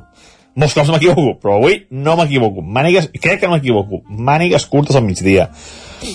I és que aquesta petita inestabilitat que tenim avui, sobretot molt localitzada cap al peritoral, eh, al peritoral de, de, de, cap al Vallès Oriental, se'n va i demà i diumenge tindrem un temps molt assolellat a totes les nostres comarques i l'anticicló el tindrem a sobre i les temperatures eh, pujaran. Si mirem una mica més a llarg termini, a la setmana que ve, potser, i ho dic en condicional, potser eh, tindrem la primera entrada d'aire mica fred de la temporada. Mm, hi pot haver hi ha nevades importants cap a la zona del Pirineu, cap a Ull de Ter i zones pròximes, i alguna precipitació també en forma de neu ja cap al Montseny. Però bueno, encara falta, i quan dic aquesta previsió a llarg termini i es va acostant, els mapes després canvien, i no, no hi ha manera que es produeixin ni aire fred ni precipitacions. Moltes gràcies i fins aviat. Bon gràcies, cap de setmana. Gràcies Adéu. a tu, gràcies a tu, Pep. Bon cap de setmana. Casa Tarradellas us ha ofert aquest espai. Dos minuts i serà un quart d'onze del matí. Territori ODS, edició especial del Territori 17, avui fixant-nos en els objectius de desenvolupament sostenible i amb motiu de la Setmana de Prevenció de Residus de Sant Feliu de Codines. Tornem cap a aquesta localitat del Vallès Oriental, anem fins a la biblioteca Joan Petit i Aguilar, Gemma Permanyer, Roger Rams, benvinguts de nou. Bon dia, què tal, Isaac? Uh, aquí estem. I què bon ens expliqueu ara? Bon dia, doncs m'incorporo ara a aquesta taula amb els companys del Ripollès de Cardedeu i amb tu, Isaac, des de Vic. Uh, ara que despunta una mica aquest sol, quan nosaltres seguim dins de la sala d'actes de la biblioteca Joan Petit i Aguilar, i és moment ara de conèixer una d'aquestes iniciatives que també eh, es faran, se'n farà pedagogia durant aquesta setmana per la reducció dels residus aquí a Sant Feliu de Codines. De ben segur que tots els oients heu vist o fins i tot heu fet ús d'alguns d'aquests contenidors taronges on s'hi diposita roba. Són els contenidors de la cooperativa Roba Amiga i n'hi ha 3.030 a tot Catalunya, repartits en 568 municipis. Entre ells, els nostres municipis, els de les nostres emissores Sant Joan de les Abadeses, Cardedeu, Vic i Sant Feliu de Codines. Només l'any 2022 es van recollir més de 13.900 tones de roba usada. Cada seguida és dit això. Donar a conèixer aquesta iniciativa, com dèiem, eh, és una de les activitats d'aquesta Setmana Europea per la Reducció dels Residus i per conèixer més aquest projecte ens acompanya en Xavier Borrell, voluntari de la Fundació Formació i Treball, que entre d'altres projectes té aquest de roba amiga. Bon dia, Xavier. Gràcies per ser aquí. Què tal? Bon dia. Gràcies per convidar-me. Esperem poder aclarir tot el tema aquest del tema de la roba i el funcionament de la nostra fundació. Comencem pel principi de tot, Xavier, perquè eh, amb, amb tu coneixerem més aquesta, aquesta fundació i aquesta iniciativa. Eh, quina és la, la filosofia de, de la vostra fundació? Sí, la nostra fundació és formació i treball i sembla un nom d'un ministeri però realment descriu exactament el que fem. Formem a gent per inserir-la al mercat laboral. Nosaltres treballem amb gent amb risc d'exclusió de, social, gent vulnerable, i el que pretenem és donar-los formació tant a nivell personal com a nivell professional per poder arribar a treballar al mercat laboral normal, diguem, que tots tenim aquesta possibilitat, no? Aleshores, la Fundació va crear-se fa uns 30, més de 30 anys Uh, vam començar amb el tema de la roba, la recollida de roba, és un projecte que vam conèixer que es feia a Itàlia, vam anar-ho a conèixer i a partir d'aquí vam implantar tot aquest coneixement a casa nostra i el tema és donar-hi una vida a la roba a partir de la recollida o la tria, la selecció i l'entrega de la roba aquesta i utilització de roba. Després ja em expliquem més detall tot el procés. La formació, la Fundació, perdó, té altres projectes, vull dir, tenim Eh, de grans números, la Fundació seria, estem treballant 700 persones a la Fundació, d'aquestes 700 persones n'hi ha 328 que són d'estructura, estan fixes, 379 amb contracte d'inserció, són gent que van rotant, màxim els podem tenir un any, són la gent que estem fent formació per després poder inserir al mercat laboral, i uns 76 voluntaris. D'aquesta gent que estem en projecte d'inserció, aproximadament cada any aconseguim que mil persones entrin al mercat laboral. Això representa que tota una estructura de la Fundació fa el seguiment d'aquesta gent, els ajuda a formar-los, els ajuda a conèixer com s'ha de treballar, a fer currículums, i els hi generem contactes per poder entrevistar-se amb empreses per poder tenir aquesta oportunitat de feina. Eh, nosaltres fem el seguiment fins que aquesta persona està implantada al mercat laboral no que té un contracte i al cap de dos mesos eh, el deixa, sinó fem un seguiment de que aquest contracte és estable pràcticament durant un any i això és el que nosaltres, la, fun, la, la funció de la nostra fundació bàsicament és aquesta. D'on provenen aquestes persones que acabeu inserint al mercat laboral? Com les trobeu o com arriben a vosaltres? Sempre venen de serveis socials dels ajuntaments amb els quals tenim contactes i nosaltres aquestes persones quan arriben a la nostra fundació els fem una entrevista per conèixer quins són els seus objectius. Nosaltres tenim 21 projectes diferents, entre ells el de la roba, que explicarem en més detall, perquè una mica la sessió d'avui seria bàsicament per entendre el tema aquest. Eh, en funció de les seves característiques, formació anterior i voluntat, doncs tenim diferents opcions i l'encaminem i fem un trajecte formatiu per saber doncs, eh, quines mancances té i quines peculiaritats li podem acabar de formar per a, a inserir al mercat laboral Bon dia, Xavier. Com dèiem, aprofundim una mica més en el cas concret de Roba Amiga, que és el tema que avui ens porta aquí. La inserció de l'any 2022 és un 70% superior a la de l'any anterior, del 2021. Això es pot interpretar com que a l'hora de llançar la roba o de desfer-se'n, la població eh, té més consciència o quina lectura en feu? Realment amb el tema de recollida de roba estem molt lluny del que hauríem d'estar. Això és la primera cosa que hem de saber. Eh, per promig, diguem-ne, que una persona eh, es desfà d'uns 15 quilos de roba l'any i se'n recull un 10%. Estem molt lluny. Hi ha un pacte per, diguem per la moda circular, per la recollida circular, que aquesta recollida voldríem incrementar-la fins al 25 al 30%. És a dir, tot el residu textil que es genera, excepte aquell que està brut de pintura, dissolvents, greixos, que sigui realment inservible, aquest hauria d'anar a reciclatge, tota la resta pot anar al contenidor taronja. I els contenidors, a partir d'aquí nosaltres ja fem les tries, fem el, tenim un projecte de, de tenir tria i tenir cada, cada peça va al, al, al, a la reutilització possible en funció del seu estat. De fet, de seguida aprofundirem sobre aquest procés que, sí. que segueix la, la roba. Ara apuntaves, eh, el, el lema de les 3 R's, reduir, reutilitzar, reciclar. En el cas de Roba Amiga us ho heu fet vostre, diguem, a través d'un sistema propi de reciclatge i reaprofitament d'aquesta roba i també dels teixits que us arriben. Ara sí, explica'ns una mica, Xavier, en què consisteix aquest procés. Nosaltres, de, com deia, el nostre objectiu bàsicament és donar feina a gent i formar-los per poder entrar al mercat laboral. Tot el procés de recollida de roba és donar feina a gent d'inserció que finalment es podran inserir. El primer procés és eh, instal·lar contenidors i anar recollint la roba que hi ha als contenidors. Actualment, eh, la majoria dels contenidors els tenim sensoritzats, de manera que sabem el volum de roba que hi ha a cada contenidor, de manera que el procés de recollida dels contenidors el tenim optimitzat en funció de la situació del contenidor. Si un contenidor està buit ja no passem per allà a recollir-lo i estalviem viatges.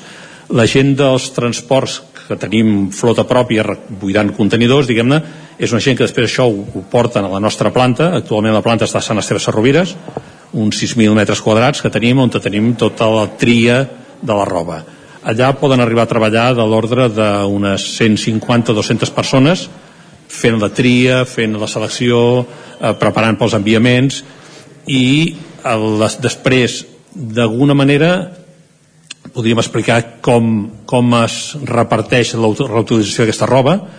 De tot el que recollim eh, aproximadament el 10% és una part que s'aprofita per ventes a botigues de segona mà pròpies. Nosaltres tenim 23 botigues al país i estem subministrant de l'ordre de 70 botigues arreu d'Espanya. De, de, aquest 5% és el que en diem roba crema, que és la roba de més qualitat que pot arribar-se a vendre a països del, del primer món, diguem-ne, no?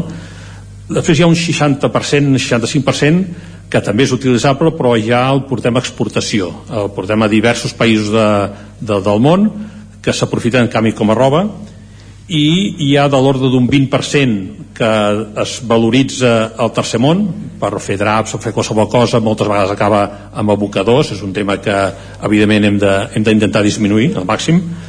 I un 7% d'aquesta roba va a valorització energètica, va a crematoris perquè no s'aprofita per res no sé si parlem després de les noves normatives que hi ha al país sobre el tema de residus, però bueno, ja, ja, ja, ja sortirà si voleu. Pots, pots, pots explicar-ho si vols, sí. Sí? A veure, hi ha una nova normativa, eh, hi ha una directiva, hi ha, que, que, hi ha primera directiva de, que obligarà a tots els municipis a partir del 25 a tenir recollida selectiva. Això és una primera part. Després hi ha un, un rei, una llei que obliga a tenir un règim de responsabilitat ampliada als productors de roba. És a dir, algo semblant a el que està passant amb els envasos, que hi ha Ecoembes, que és una entitat diguem-ne nacional que el que fa és recollir unes aportacions que fan els productors per dedicar-la a la gestió de residu, això a partir del 25 també es farà amb la roba.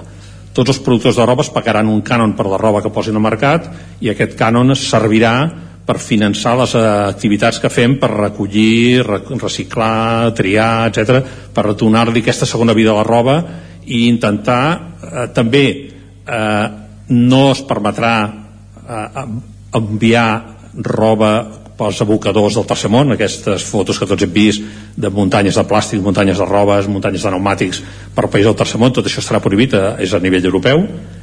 I per tercera banda hi ha un pacte, que es dirà Pacte de Moda Circular, que té una sèrie d'objectius que, es, que que pretén és augmentar eh, la recollida selectiva, que actualment comentava que estem al 10%, eh, intentar a veure si arribem al 25 o 30%, hi haurà una preparació per reutilització de l'ordre 50-60 que això actualment nosaltres ja és el que deia que estem fent la reutilització ja és de l'ordre 60% i el reciclatge hauria de ser del 40-50%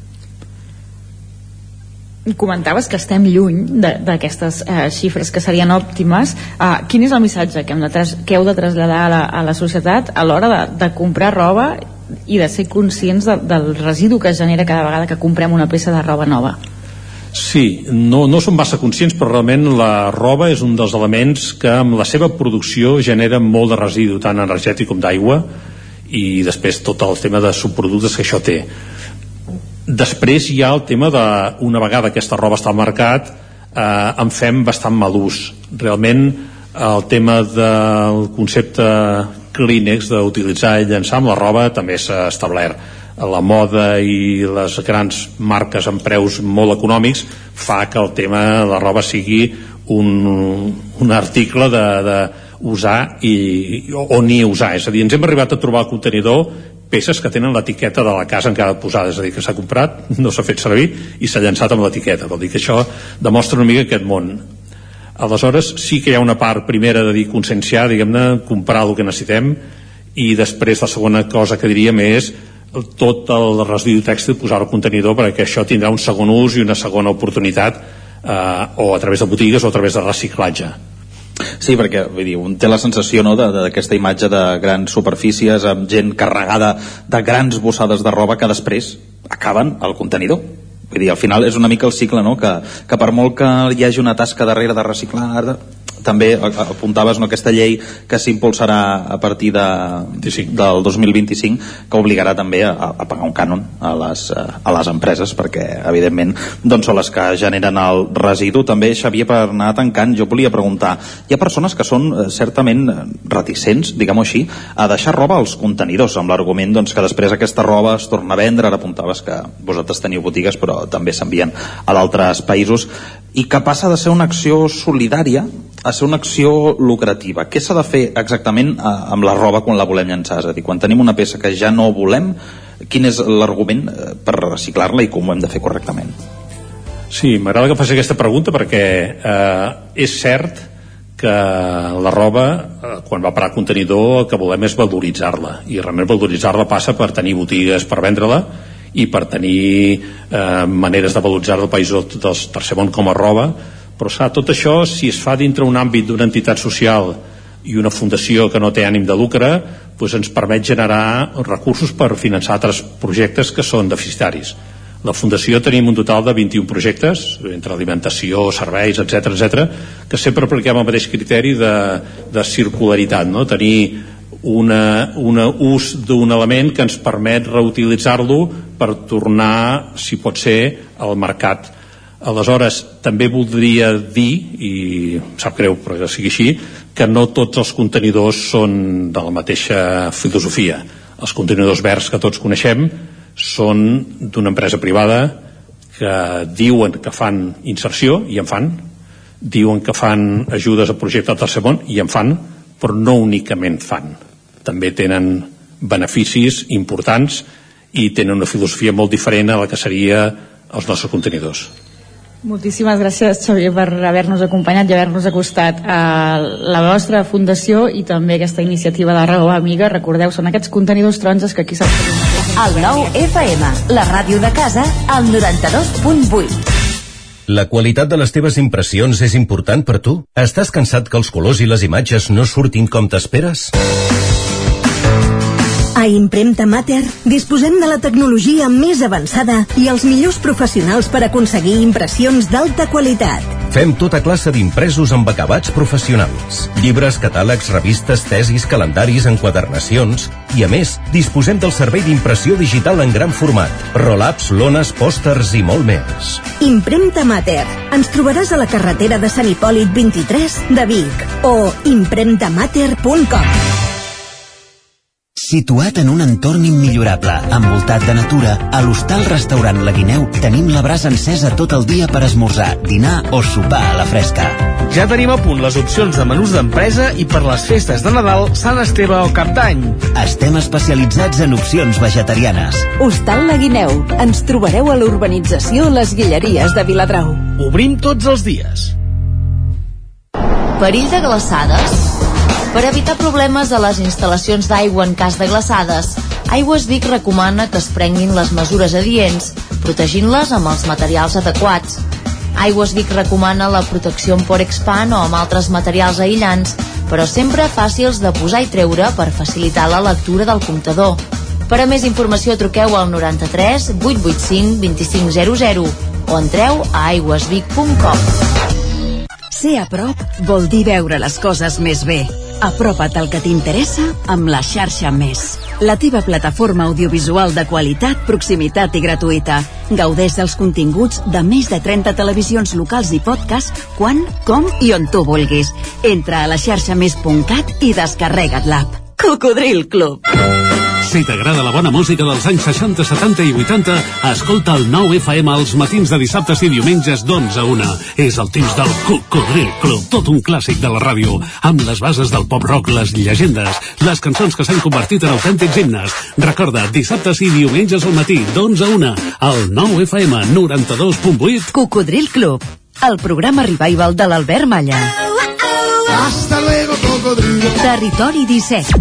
El nou FM 7 Som l'espai comunicatiu format per les comarques d'Osona, el Lluçanès, el Moianès, el Ripollès i el Vallès Oriental. Enric Rubio, Ràdio Televisió, Cardedeu. Bon dia al grup. Cada matí, de 9 a 11, al 9 Roger FM. Rams, zona codinenca. Defensa de la sanitat pública. L'actualitat de les nostres comarques i tot el has de saber abans de sortir de casa. Isaac Muntades, la veu de Sant Joan. De setmana, Sant Joan. Cada matí, Pep Acosta, el nostre home Territori del temps. 17. Avui contents. En punt ara mateix, al territori 17, al territori Odessa, són dos quarts d'onze del matí. De seguida tornem cap a la biblioteca Joan Petit i Aguilar de Sant Feliu de Codines en aquesta edició especial del territori 17, del territori Odessa, que avui estem fent amb motiu de la setmana de la prevenció de residus. I allà, que ara tenim a, mantenim aquesta conversa amb, amb la Gemma Promeller i en Roger Rams. Exacte, Roger, ah, exacte, Isaac. Estàvem eh, tancant aquesta conversa amb en Xavier Borrell, eh, voluntari de la Fundació Formació i Treball, responsables, entre d'altres iniciatives de, de la Darroba, amiga, d'aquests contenidors taronges que tenim a tots els nostres municipis. I abans d'acomiadar-lo com cal, doncs sí que volíem fer un repàs de les dades concretes de- d'aquest municipi pel que fa a la vostra fundació, Xavier.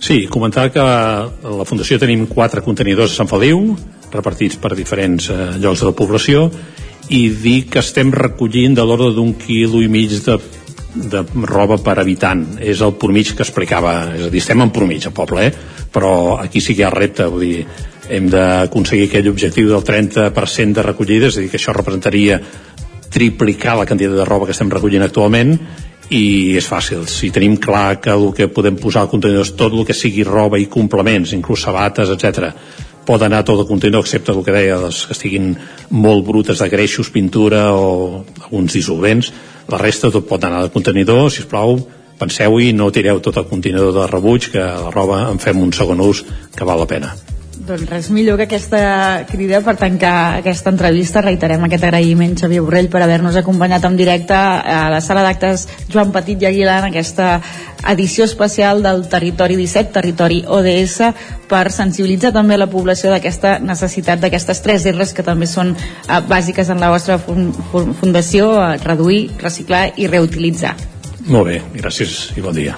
Perfecte, Isaac, si et sembla, res, dos minuts per sobre de dos quarts d'onze del matí, això és una roda que no para, aquest territori 17, que avui tenim ben farcit de convidats i convidades com les que saludarem a continuació, aquí a, a la Biblioteca Joan Petit i Aguilar, perquè ara parlarem eh, amb l'agrupament Escolta Macalo, d'aquí de Sant Feliu de Codines, ho faré jo acompanyat eh, del meu company Enric Rubio, de Ràdio Televisió Cardedeu. Sí, sí, ja el veiem, ja, ja el veiem eh, situant-se, molt bé. Acabant-se de... I també com de... van acompanyant tots aquests representants, aquestes representants d'aquest agrupament Escolta Macalo. Ah, exacte, exacte. Doncs perfecte, la, la imatge en aquest cas complementant l'antena. Això pels Doncs que, bé, els que ens escolten els hi hem d'explicar. els hi expliquem, els expliquem. Tot També, seguit, també tot pels que els escolten els hi hem d'explicar que teniu aquí una safata de pastetes i croissants que fa les delícies Que va baixant, eh? veu. Ah, no, no en tinc cap dubte.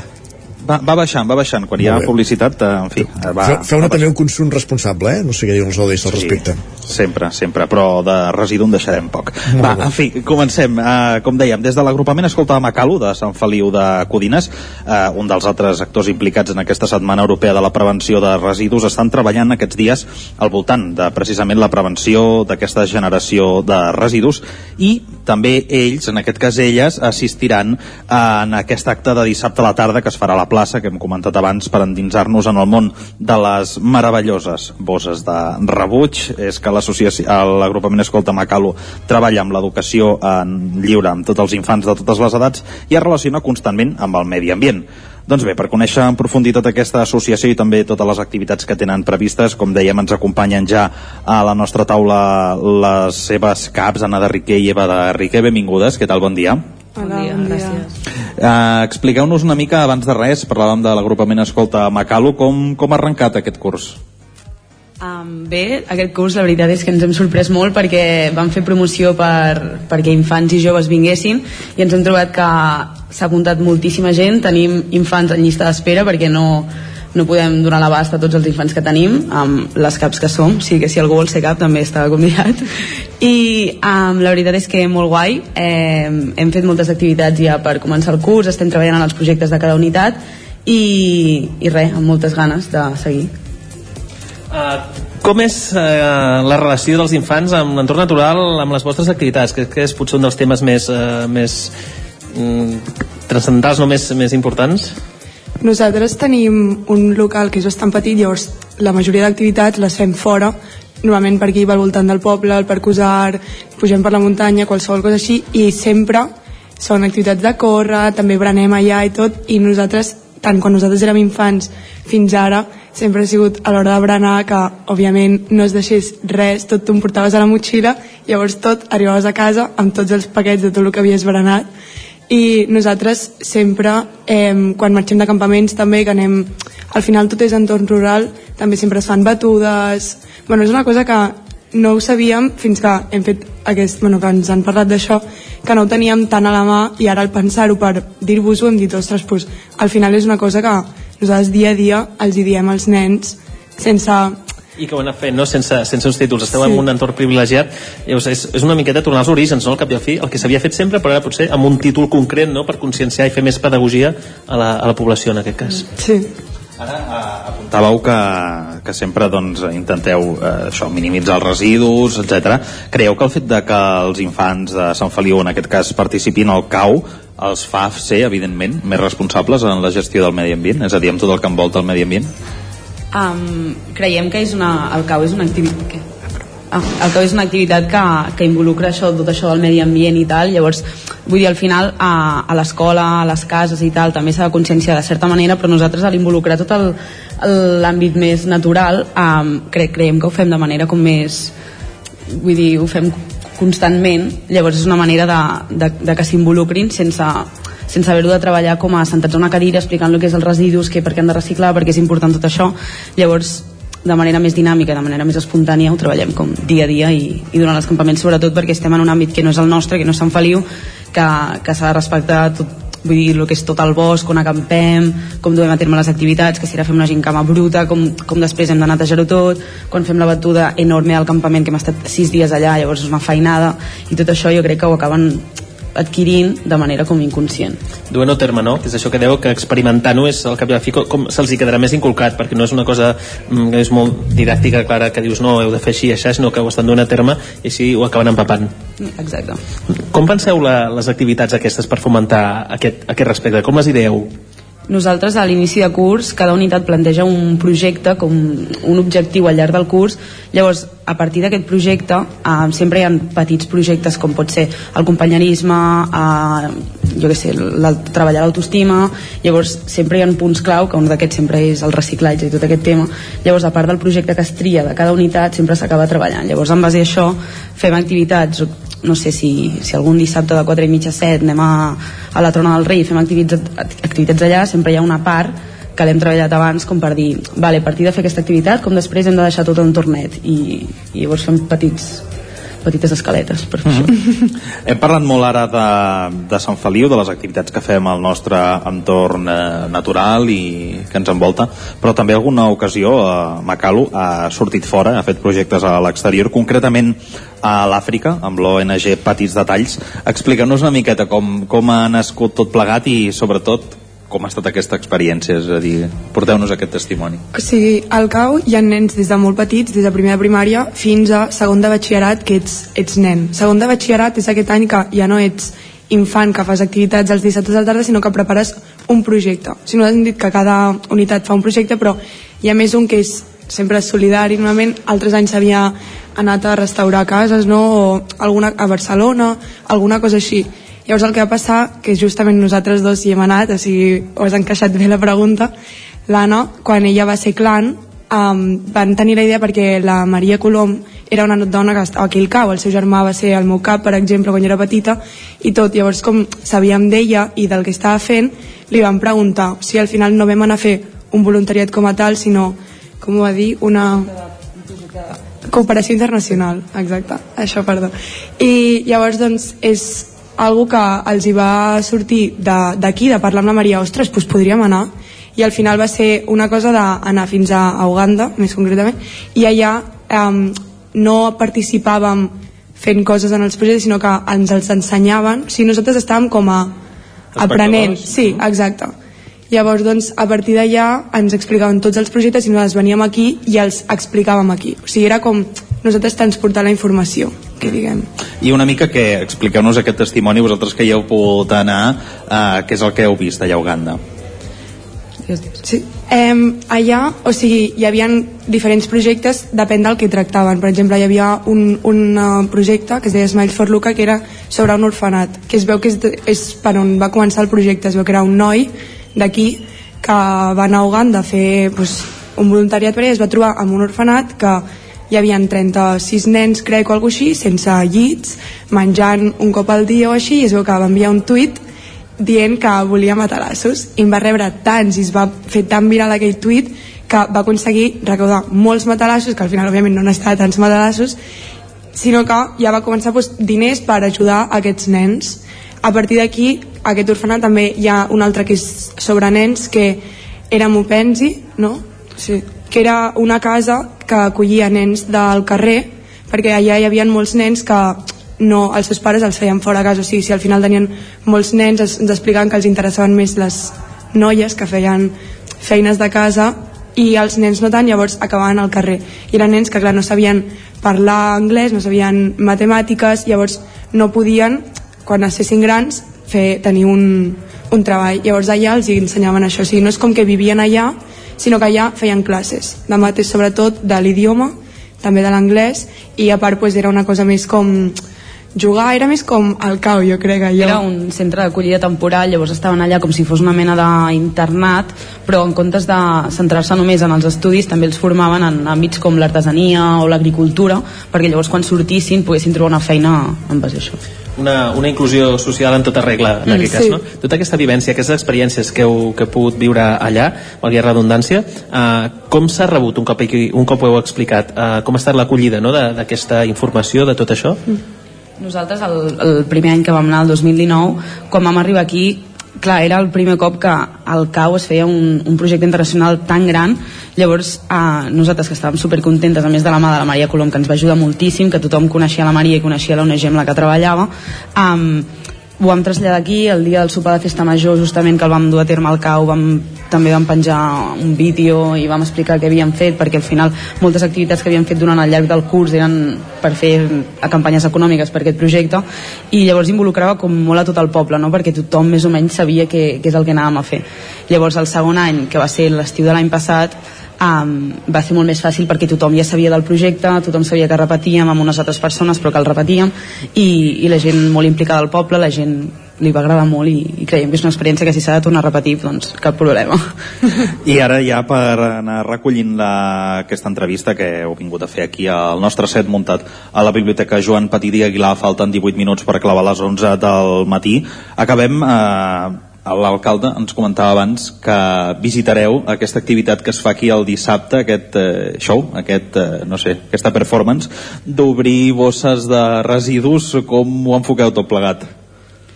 Eh, primer, bueno, ens va sobtar una mica, no? perquè al final també pot ser que la, la bossa que, que surti sigui la de casa nostra de casa d'algun infant del cau però, però creiem que és, una, que és una activitat interessant que si els nens poden, poden anar-hi aprofitem l'horari del cau que coincideix justament podem portar-los a, a que ho vegin i que adquireixin també consciència no? del, que, del que la gent fa a casa seva um, doncs pot ser una experiència enriquidora i podem aprendre tots i totes una, unes bosses que per cert eh, per la vostra tranquil·litat ens han explicat que tenen un filtre previ per tant eh, entenem que no hi haurà massa sorpresa en fi tranquil·les eh, exacte, en fi, en qualsevol cas Anna de Riquer, Eva de Riquer, caps de l'agrupament Escolta Macalu, moltíssimes gràcies per passar avui pels micròfons Dona Codinenca en aquest set que tenim a la Biblioteca Joan Petit i Aguilar de Sant Feliu de Codines en aquesta edició especial del territori ODS. Moltes gràcies. Moltes gràcies a vosaltres.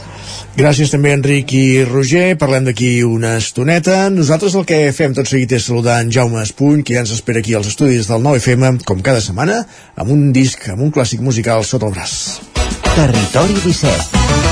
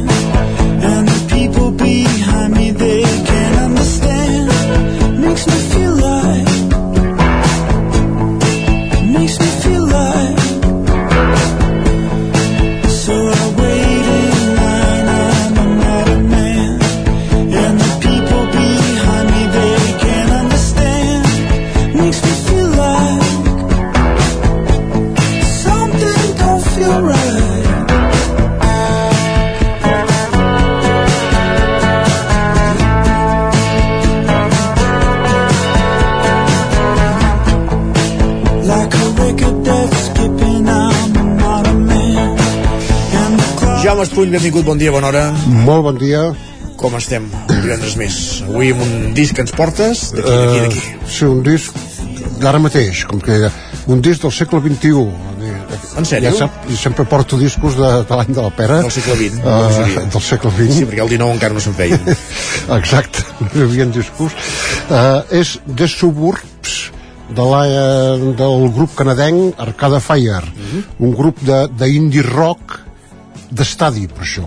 Què és a dir d'estadi? eh, tal, és tal com el van batejar en el seu debut és rock alternatiu que, bueno, que sense cap publicitat però que per sorpresa triomfa i perquè entre altres coses són molt bons i en comptes de, de, de seguida en comptes d'actuar en sales petites que és el que fa l'indie rock, el rock alternatiu doncs eh, van començar a omplir estadis eh, i la gent bueno, eh, emocionada sí, això està bé ho vaig veure, ho vaig veure una vegada hòstia, era el 2010 Sí? 2010 a Barcelona A Barcelona. a Barcelona ha actuat tres o quatre vegades planíssim, al Sant Jordi Uh, aquest disc és del 2000, 2010 o sigui, com, com qui diu ahir Com aquell concert que vas anar tu, sí. exactament eh, és el tercer disc del grup en graven pocs, eh? un cada 3 o 4 anys. Eh, ara en porten en total 6 i va ser, eh, va guanyar el, el Grammy el millor disc de l'any. Una sorpresa. Eh, es- estem escoltant Modern però ara escoltarem eh, City with no children, children que vol dir ciutat sense nens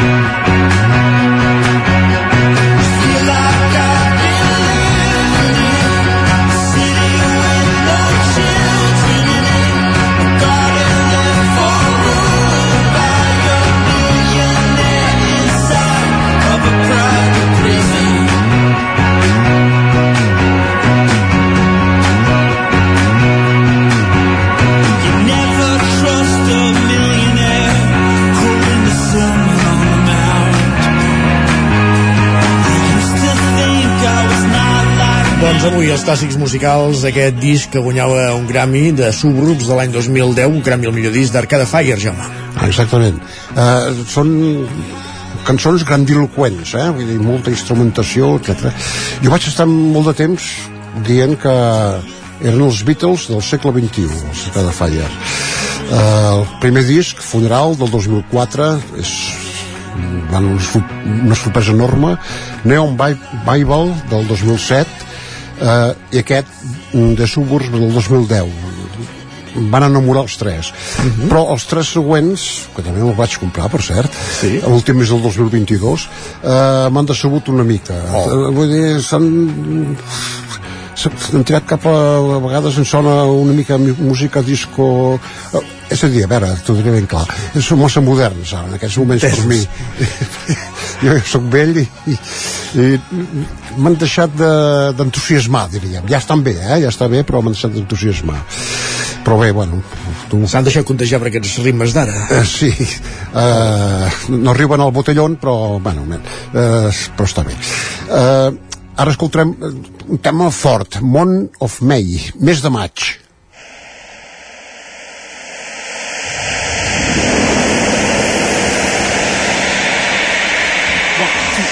ット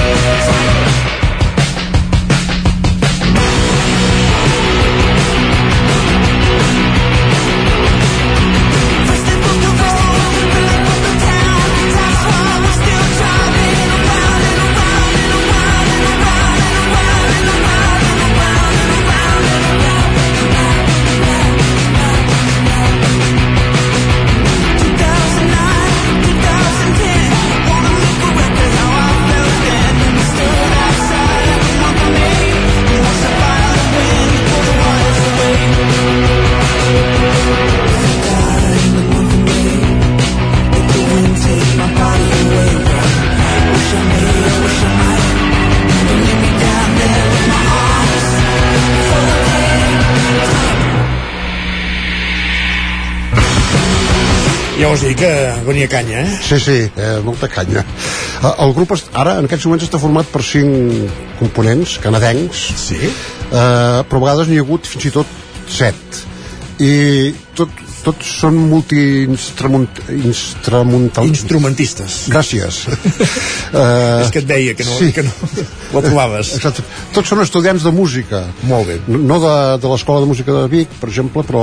De, que podria ser, el, el, el, em sembla que és el Quebec. Uh -huh. uh, hi ha, hi ha un, un dels components que toca, que es diu Richard Red Parry, que toca, oh, bueno, els, segons els crèdits, 11 instruments. déu nhi uh, però els que manen són un matrimoni, el Wim Butler, que és, eh, a part dels instruments, és el que canta més, de tant en tant canta algun altre, i la seva dona, sí. que és una francesa, bueno, és del Quebec francès, suposo, Regine Chassagne, i, i una, ah, això que no, que no s'oblida és que el disc és d'aquells discos que són conceptuals és a dir, parlen de, de ja diu el nom de suburbs dels suburbis de Houston, però eh, quan diuen de suburbs allà, aquí suburbis tenen una connotació una mica, Diferent. diríem, la mina, no? Sí. Per exemple, no, no, eh, es refereix a una, a zones residencials, de, una zona residencial de Houston, que és on vivia el Bing Luther i el seu germà, que també és del, del grup, en Williams, i bueno, parlen de co- coses de, de la lletra ja em costa més saber-ho no? eh, ara escoltarem una cançó de Sproul, que no sé què vol dir eh, que la canta la, la, la, la noia Regine eh, Sachan m'agrada molt aquesta cançó Amb ell acabarem, doncs, Jaume. Molt bé. Ens retrobem divendres vinent. Molt bé. Gràcies.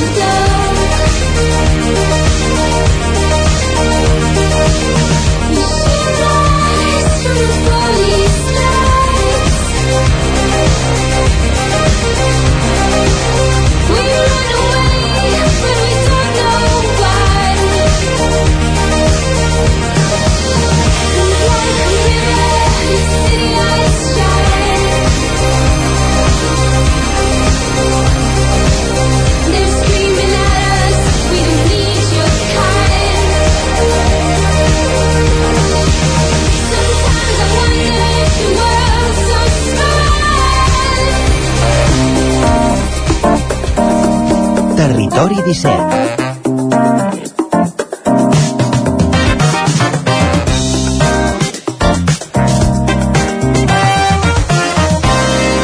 3 minuts perquè siguin les 10 del matí, Arcada Fire, avui els clàssics musicals i ara és temps pels esports al Territori 17. Avui edició especial Territori Odessa. Per tant, tornem cap a la biblioteca. Joan Petit i Aguilar de Sant Feliu de Codines. Comencem la roda esportiva com cada divendres per repassar l'agenda esportiva a l'entorn de les emissores del Territori 17. Enric Rubio, Ràdio Televisió Cardeu, benvingut de nou. Què tal, Isaac? Hola, hola i hola. Comencem Com per tu, esteu? Comencem per tu, perquè si comencéssim per en Roger encara el veuríem mastegant aquest croissant que acaba de pagar, que l'hem veient. Sí, sí, sí, sí, ho he intentat amagar però no ho hem aconseguit, no, no, no Anem a veure, ja tenim aquí l'agenda més esperançadora i alhora amb més mala sort del territori 17 Aviam. A veure si Caldes ens porta bona sort Comencem, va, amb el futbol Ai, he dit Caldes? Sí. Sí, bueno, sí, si ens porta bona sort tot el territori, clar que sí, aquí m'he colat, però bé. Comencem amb el futbol. El primer equip del Cardedeu jugarà diumenge a les 12 del migdia contra el Mollet, a casa d'aquests, mentre que el filial ho farà dissabte i ho farà a 3 quarts de 4 de la tarda a casa contra el Santa Perpètua. Seguim amb el futbol, però aquest cop amb els de la capital ballesana, i és que el Granoller jugarà dins la Lliga Èlit contra Canvi de Let, i ho farà diumenge a casa. I ara continuem amb el Granollers, però canviem d'esport per anar-nos-en cap al bàsquet, on l'equip de la ciutat jugarà fora de casa contra el Cornellà dissabte a dos quarts de set de la tarda. I si el que volem fer és mirar l'handbol, el Freikin Granollers surt de casa per anar a visitar el Batcú Torrelavega el diumenge a dos quarts d'una al migdia i a la mateixa hora, però de dissabte el CAC 7 jugarà a casa contra el, a veure si ho dic bé, Conialti BSK. I ara, per acabar, com sempre, ja ho sabeu, les que sempre ens fan cada bé, les de l'embol Cardedeu, i és que jugaran a tres quarts de sis de la tarda a fora de casa contra l'Oar l'Oar, a veure que ho digui bé també, l'Oar Gràcia Sabadell Atlètic i ho faran en diumenge ja per acabar el cap de setmana amb bon peu, així que vinga va, que tenim esperances posades en aquest cap de setmana segur que ens en sortim i amb bona nota dilluns ho comprovem.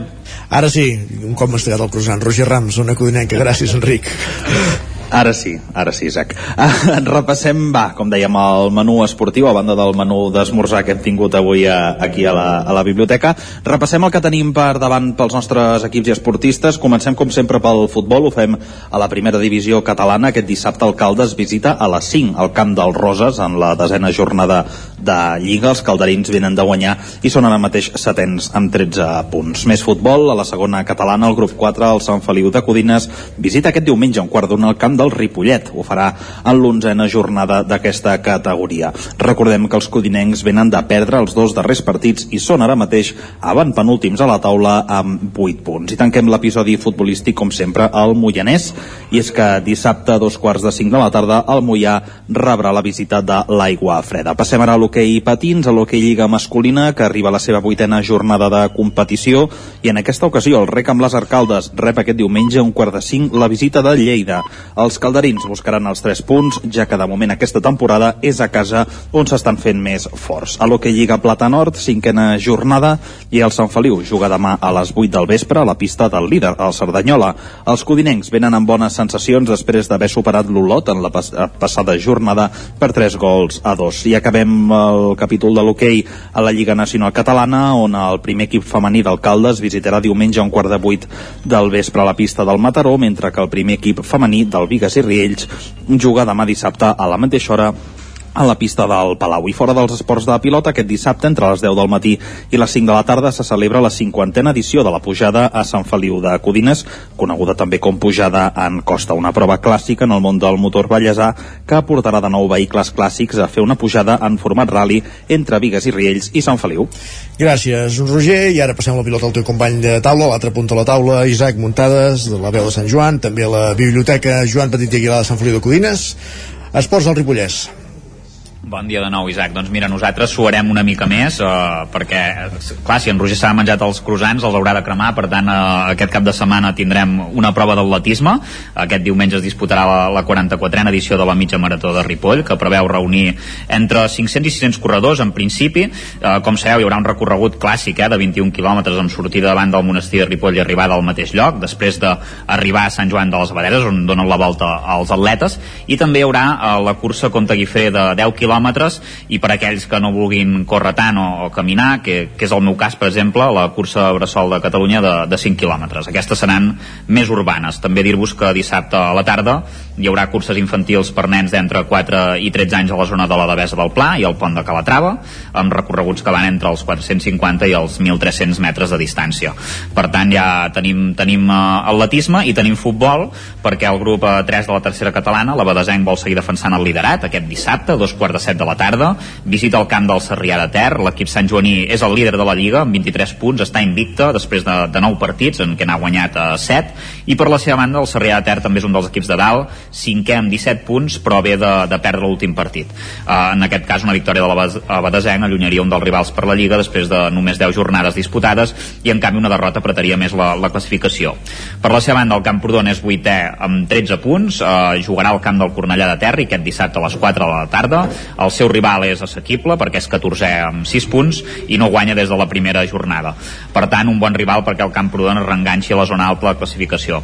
Per la seva banda el Camp davant el jugarà a la mateixa hora que el Camprodon i també a domicili contra el Sant Gregori en un partit important per deixar de mirar avall i començar a mirar amunt. Els candavanolencs són desens amb 11 punts, eh, porten 3 triomfs en els últims 4 partits, mentre que el seu rival, en canvi, és 12 amb 9 punts i porta una trajectòria irregular perquè encara no han llaçat eh, dues victòries seguides. Uh, Dir-vos que la Lliga Nacional Catalana d'Hockey Patins, l'Hockey Club Ripoll, jugarà a la pista del Reus B aquest diumenge a les 8 del vespre. Hem de dir que el Ripoll és quart amb 16 punts, mentre que el seu rival en, en té 14, per tant també és un rival directe i és important guanyar-lo per seguir a la part noble de la classificació.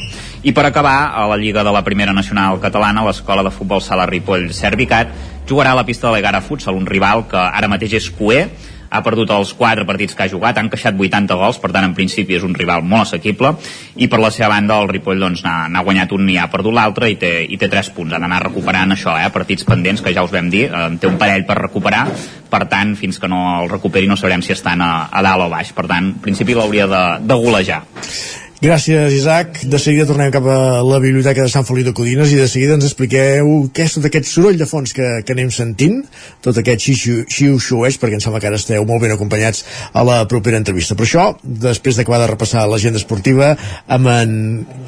la amb en Guillem Freixa des dels estudis del 9FM. Guillem, eh, repassem l'agenda de la comarca d'Osona. Bon dia, doncs eh, comencem amb el futbol, perquè aquest cap de setmana hi ha un veritable xoc de trens aquí Aviam. a la comarca d'Osona, en la tercera federació, aquesta màxima categoria del futbol masculí que tenim a la comarca i on hi competeix el Tona, i és que el conjunt tonenc aquest diumenge a tres quarts de dotze del migdia rebrà a l'Hospitalet. El segon classificat, l'Hospitalet, s'enfrontarà jugarà contra el Tona, que és tercer. Per tant, eh, el, que, el que comentàvem, eh, un duel realment interessant i fins fa pocs anys impensable que un hospitalet doncs, visités el camp municipal de, de, Tona. de Tona per jugar un partit de, de Lliga i a més a més amb el que hi ha en joc, eh, aquesta segona posició dels riberencs, la tercera del Tona i a més a més molt a prop del líder que és uh, l'Olot, el conjunt de la Garrotxa. Doncs partit interessantíssim, la Tona, aquest diumenge. Sí, molt bon ambient en els últims partits a casa casa del, de l'equip tonenc veurem si repeteix també aquesta bona entrada al municipal tonenc.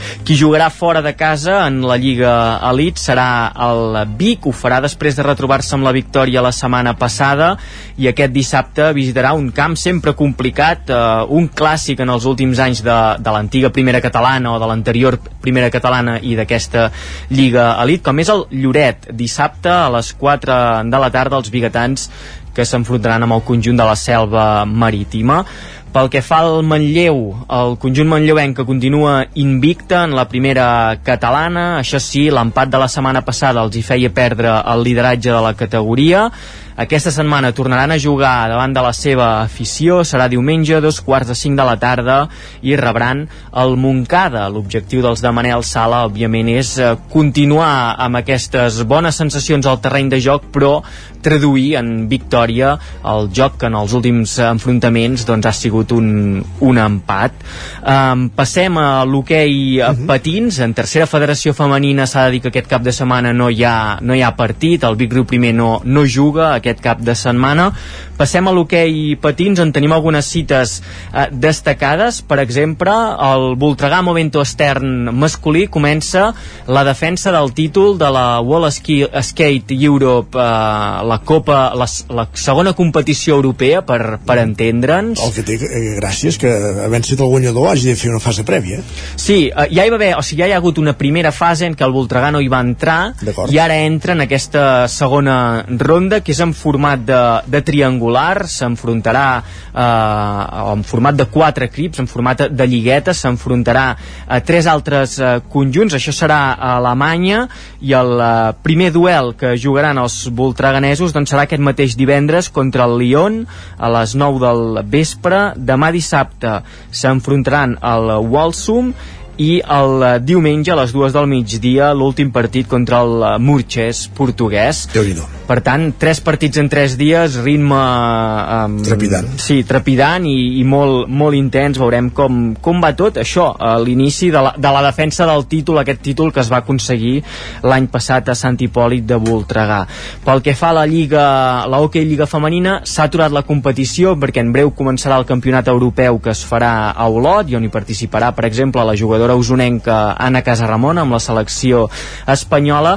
I el que fan els conjunts de la màxima categoria de l'hoquei patins femení estatal és disputar la Lliga Catalana Femenina uh -huh. um, i en aquesta competició avui divendres ja tenim un partit el Voltregà Momento Estern que rebrà a partir de tres quarts de nou del vespre al Palau de Plegamans uh, per tant un, un duel també interessant al Palau també amb jugadores seleccionades que segurament doncs, ja estaran centrades amb la, amb la selecció i no, no competiran, però sempre interessant aquest eh, partit.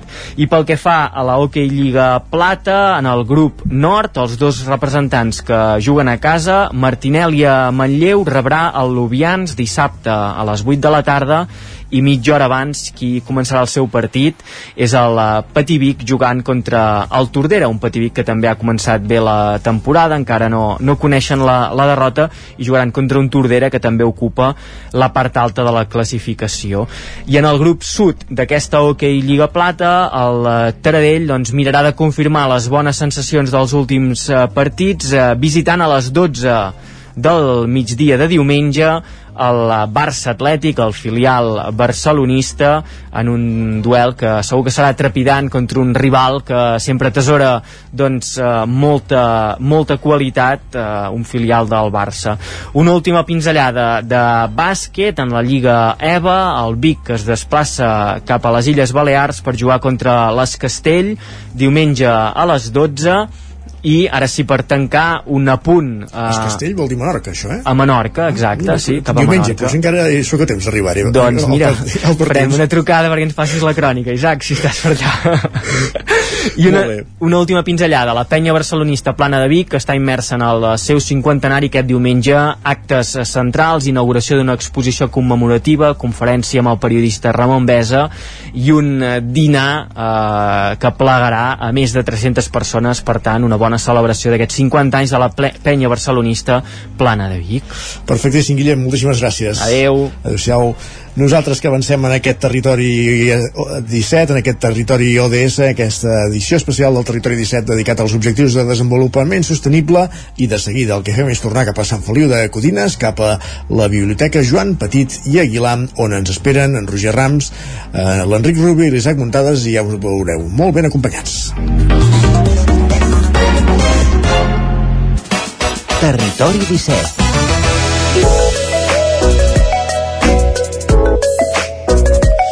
10 minuts que passen de les 11, com dèiem, tornem a la Biblioteca de Sant Feliu de Codines.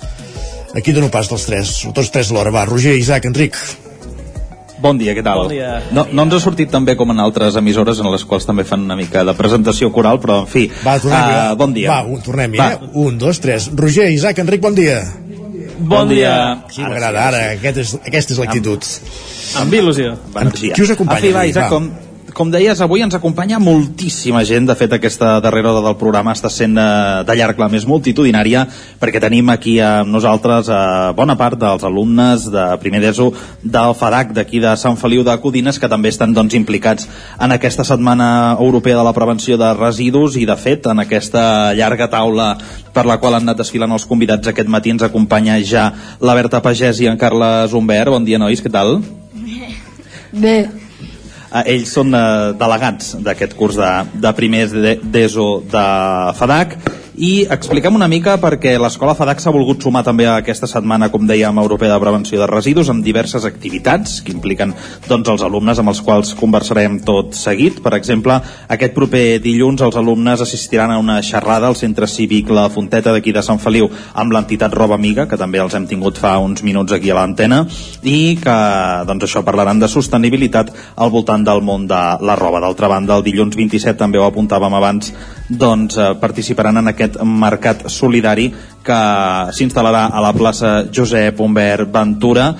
Expliqueu-nos una mica, volem centrar-nos ara a l'inici amb aquest mercat de segona mà, expliqueu-nos una mica com, com ha estat, eh, com serà aquest mercat, què, què hi trobarem? Um, en aquest mercat trobarem roba de totes les talles i, de, i també trobarem complements, sabates, bolsos... I la roba estarà, serà accessible, que està, estarà a bons preus perquè tothom la pugui com comprar. Uh -huh. Després parlarem del preu perquè també té una segona finalitat eh, solidària, però una mica, nois, per començar, m'agradaria que ens expliquéssiu una mica quin és l'objectiu de, de fer aquest mercat, és a dir, per què, per què el feu? Um, aquest mercat el fem per recaudar diners per la Marató de TV3 perquè cada any els alumnes de primer d'ESO participaven en una cosa que es deia un origami un euro, però això no és gaire sostenible ja que es gastava molt paper i aquest any hem decidit, en comptes de fer això, fer un mercat de segona mà. Molt interessant, realment, i felicitats per aquestes iniciatives. Uh, Expliqueu-nos, uh, Berta i Carles, com heu anat treballant a classe la preparació d'aquest mercat? Pues ens separàvem per grups i anàvem ordenant la roba per edats i pues, Sí, durant, ho heu anat fent durant molt temps? Quan ha, quan ha durat això, aquesta preparació? Aquesta preparació encara l'estem fent i portem ja una setmana fent-la i pues, l'hem de seguir fent fins, fins que sigui el dia. Perfecte. Hola Berta, hola Carles. Uh, ara comentàveu eh, això, que quanta, quanta roba heu portat ja, quan, quanta n'heu uh, acumulat, què, què heu fet exactament aquests dies? Expliqueu-nos una mica. Uh, de moment tenim bastantes caixes. El primer dia sí que no va ser gaire... no ens va anar gaire bé, però els següents dies ja...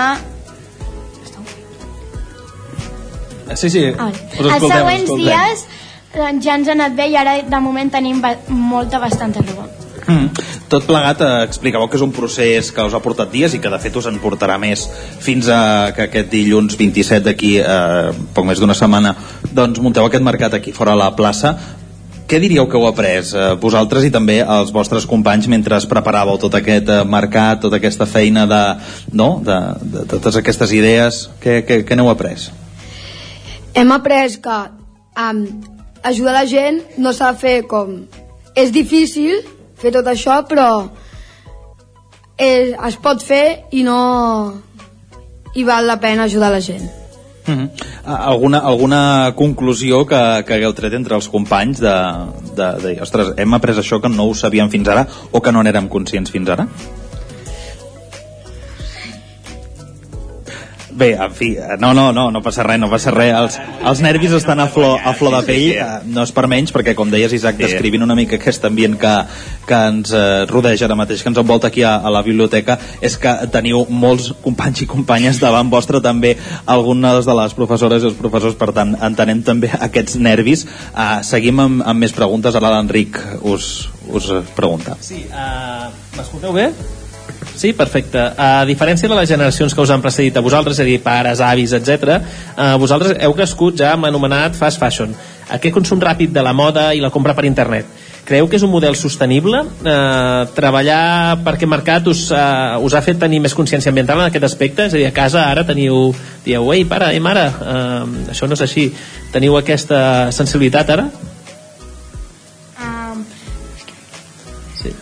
No, pre- preguntaves, Enric, una mica no, el, el, el, el concepte aquest de fast fashion, de, de moda ràpida, no? de, d'ostres, compro el que sigui, de la talla que sigui, encara que no m'ho hagi provat, i, i ho compro, i si no em va bé ho torno. És a dir, aquesta consciència creieu que, que, en fi, que, que existeix en les generacions d'avui en dia un fet que no, abans no passava. És a dir, abans anaves a la botiga o anaves al, anaves al mercat de, de, de, dels, dels dissabtes i compraves la roba que, que més t'agradava o que tu et podies provar, però ara la, la roba també es compra molt per internet i a vegades no, no te la pots provar i no? una mica aquest concepte de, de moda ràpida creieu que, que és un model sostenible?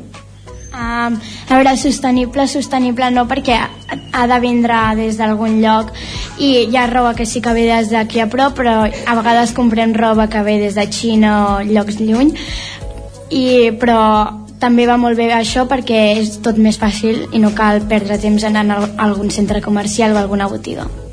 Sí, veiem que, que realment esteu agafant aquesta consciència. I a casa vosaltres, ara mateix, o dintre els vostres amics, eh, doneu algun consell, ara que heu estat aprenent aquestes coses? Dieu, ei, ostres, eh, que això no va així, o amb tot això que heu après, doneu algun consell a casa?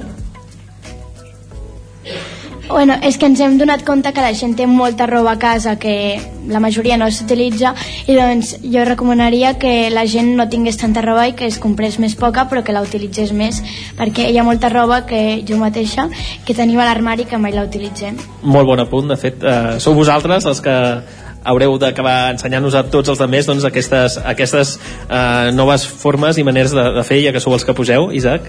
Sí, per exemple, això que comentaves, eh?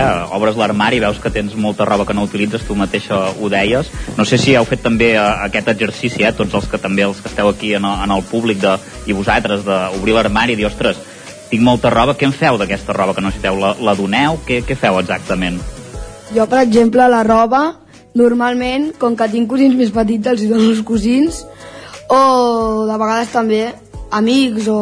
però mai havia pensat de, no sé, fer, vendre-la per a gent, o Sí, o donar-la, per exemple, en els contenidors de roba, no? Abans clar. precisament hem fet una entrevista en aquest, en aquest sentit. No sé si vosaltres ho heu fet mai, això de portar-la en contenidors, o creieu que, que no, no acaba anant enlloc, o com, com ho veieu vosaltres, això? Jo no ho he fet, però ara tipus, com, em dono compte de que m'he equivocat, perquè tipus, així pots ajudar a, molta gent que ho necessita. sobretot d'altres països, no? perquè evidentment aquí segurament no ens falta la, la roba, no? però altres països us ho han explicat, eh? que, que entenc que sí, que allà és més complicat, no? que arribin a, per exemple, a països pobres de, de l'Àfrica, per exemple. Sí, és bastant més difícil que arribi.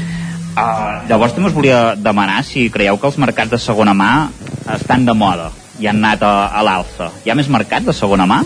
Uh, jo crec que sí que estan bastant de moda ara anar a mercats de segona mà perquè hi ha la roba que està vintage i això, que la gent li agrada molt i i hi ha molta gent que vesteix amb roba ja utilitzada però ja segueix havent-hi molta gent que diu que els mercats de segona mà és per gent més pobra i que no pot però tothom pot anar a comprar al mercat de segona mà I vosaltres utilitzeu uh, aplicacions per comprar i vendre objectes de segona mà o coneixeu algú que ho faci? Jo de vegades utilitzo Wallapop per vendre, però per comprar no. Comprar no, eh? Què, què vens, per exemple, a Wallapop? Uh, bicis o, no sé, accessoris, gorres, també cascos, etc. Una, una manera no, que dèiem eh, que també apropa, en aquest cas, als més joves a, en aquest món de la segona mà i del reaprofitament. Ara, nois, comentem un tema que al principi m'heu apuntat que aquest eh, sí que el teniu ben, ben preparat, que és l'altra finalitat d'aquest mercat que feu de segona mà aquí a la plaça, perquè a banda de, com dèiem, la sostenibilitat com a fil conductor, té una vessant solidària, té una finalitat sol- solidària. Els diners recaptats els eh, donareu, en aquest cas, a la Marató de TV3, enguany dedicada a la salut sexual i reproductiva. Eh, una mica expliqueu-nos eh, quina sensació es produeix el fet de, de, de tancar el cercle, no? diguem, de recaptar uns diners que també alhora serviran per salvar el planeta o per reciclar i per ajudar a la investigació en malalties. Jo crec que és un gest que, que s'agraeix molt i que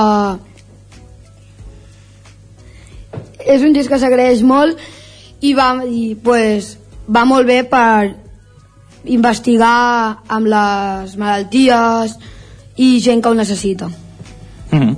uh, no sé si en el teu cas, Berta, també ens vols comentar una mica com, com veus això de la solidaritat també que envolta aquest mercat, que també els diners, com deia ara en, en Carles, doncs, uh, van destinats a una finalitat solidària. Um, jo crec que és molt, va molt bé que pensem en solidaritat, ja que nosaltres tampoc aconseguirem res fent això, però molt, ajudarem molt a l'altra gent.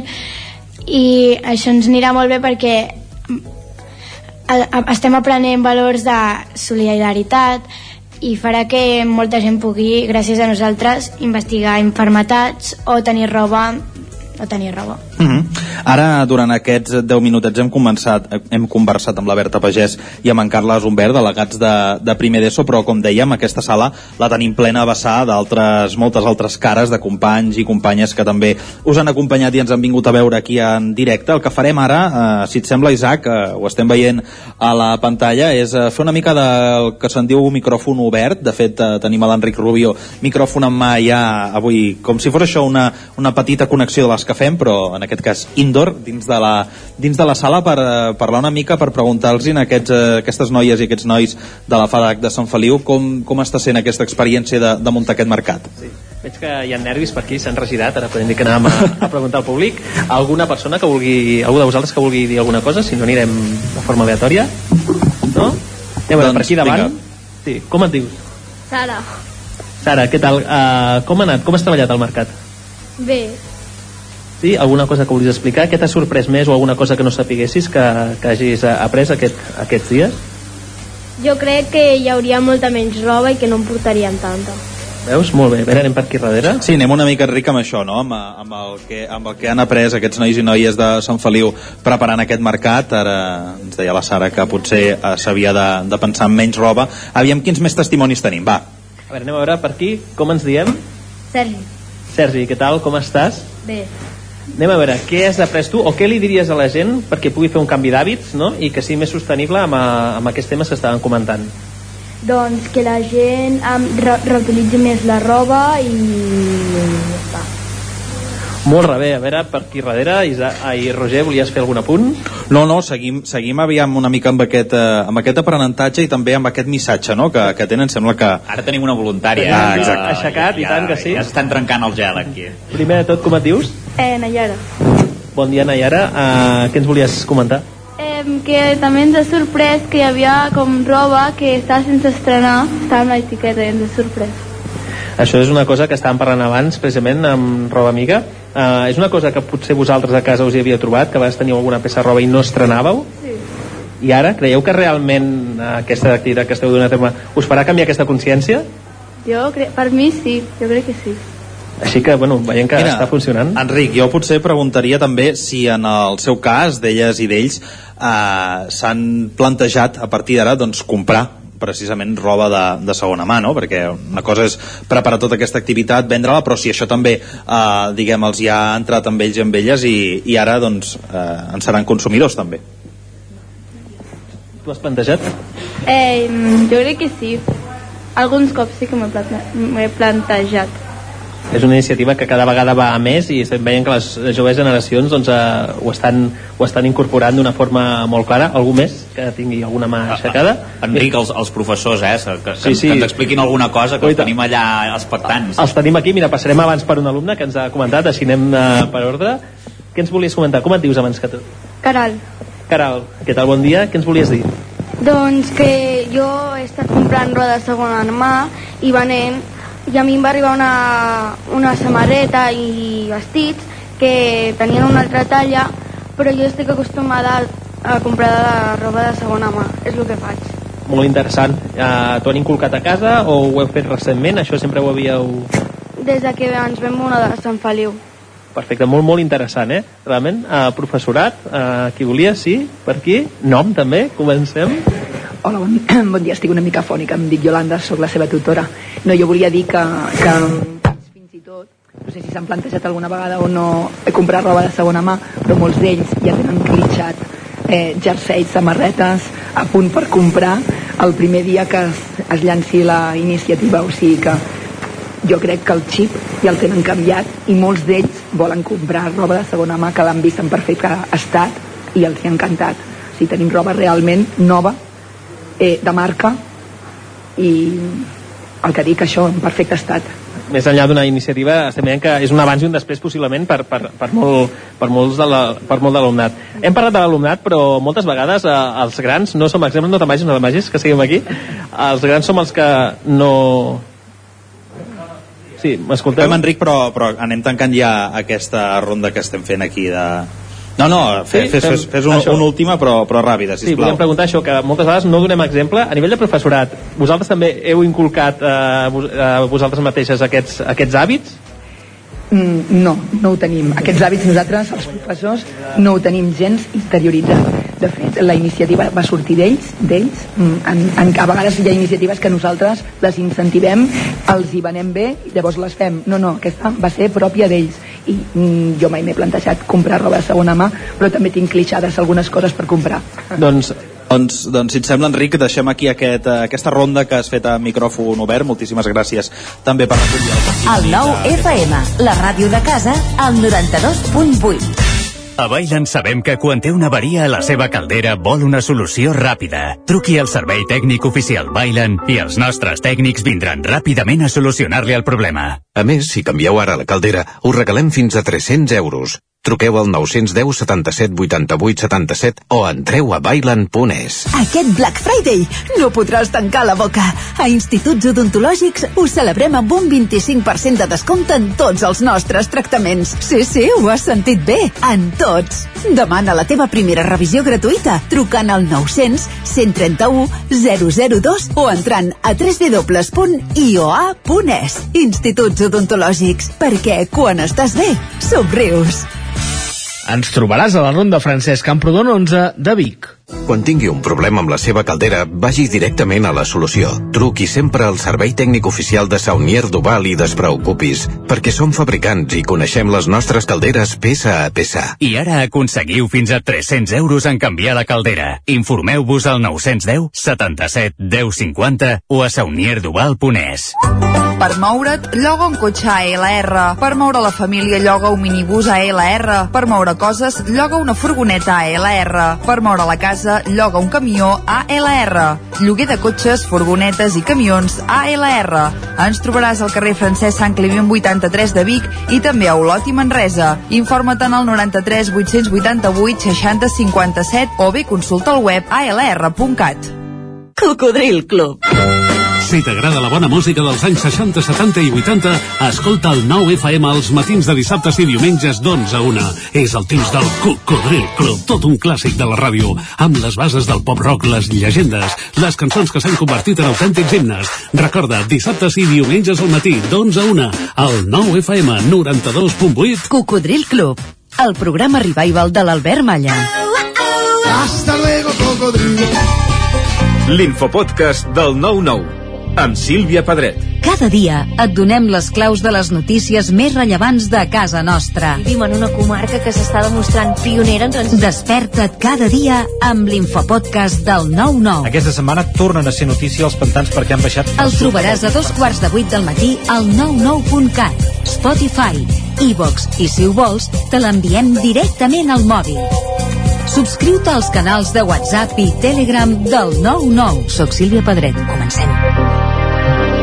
Anuncia't al 9FM. La màquina de casa. 9 3 8 8 9 4 9 4 9. Publicitat arroba al 9FM.cat. Anuncia't al 9FM. La publicitat més eficaç. En punt ara mateix, dos quarts d'onze, al Territori 17, edició especial Territori ODS, fixant-nos en els objectius de desenvolupament sostenible avui en concret, eh, la setmana de la prevenció de residus de Sant Feliu de Codines, des d'allà, des de la biblioteca. Joan Petit Aguilar estem fent el programa d'avui, però no oblidem les seccions habituals de cada divendres. Ara mateix, torn per l'agenda.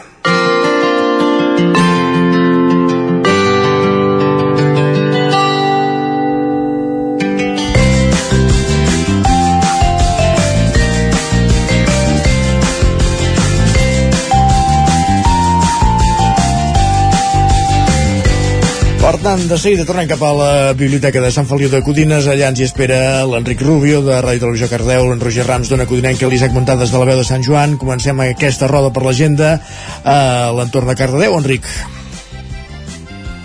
de nou i per últim cop avui uh, comencem, a veure tenim una agenda molt carregada, eh, Cardedeu Doncs va, brillo Anem a veure, sí, eh? Tenim... Va, jo seré ràpid, ja ho saps. Doncs avui divendres a Cardedeu seguim amb la festa de la ratafia. En aquest cas, amb l'animació infantil Mini Traficants a un quart de sis.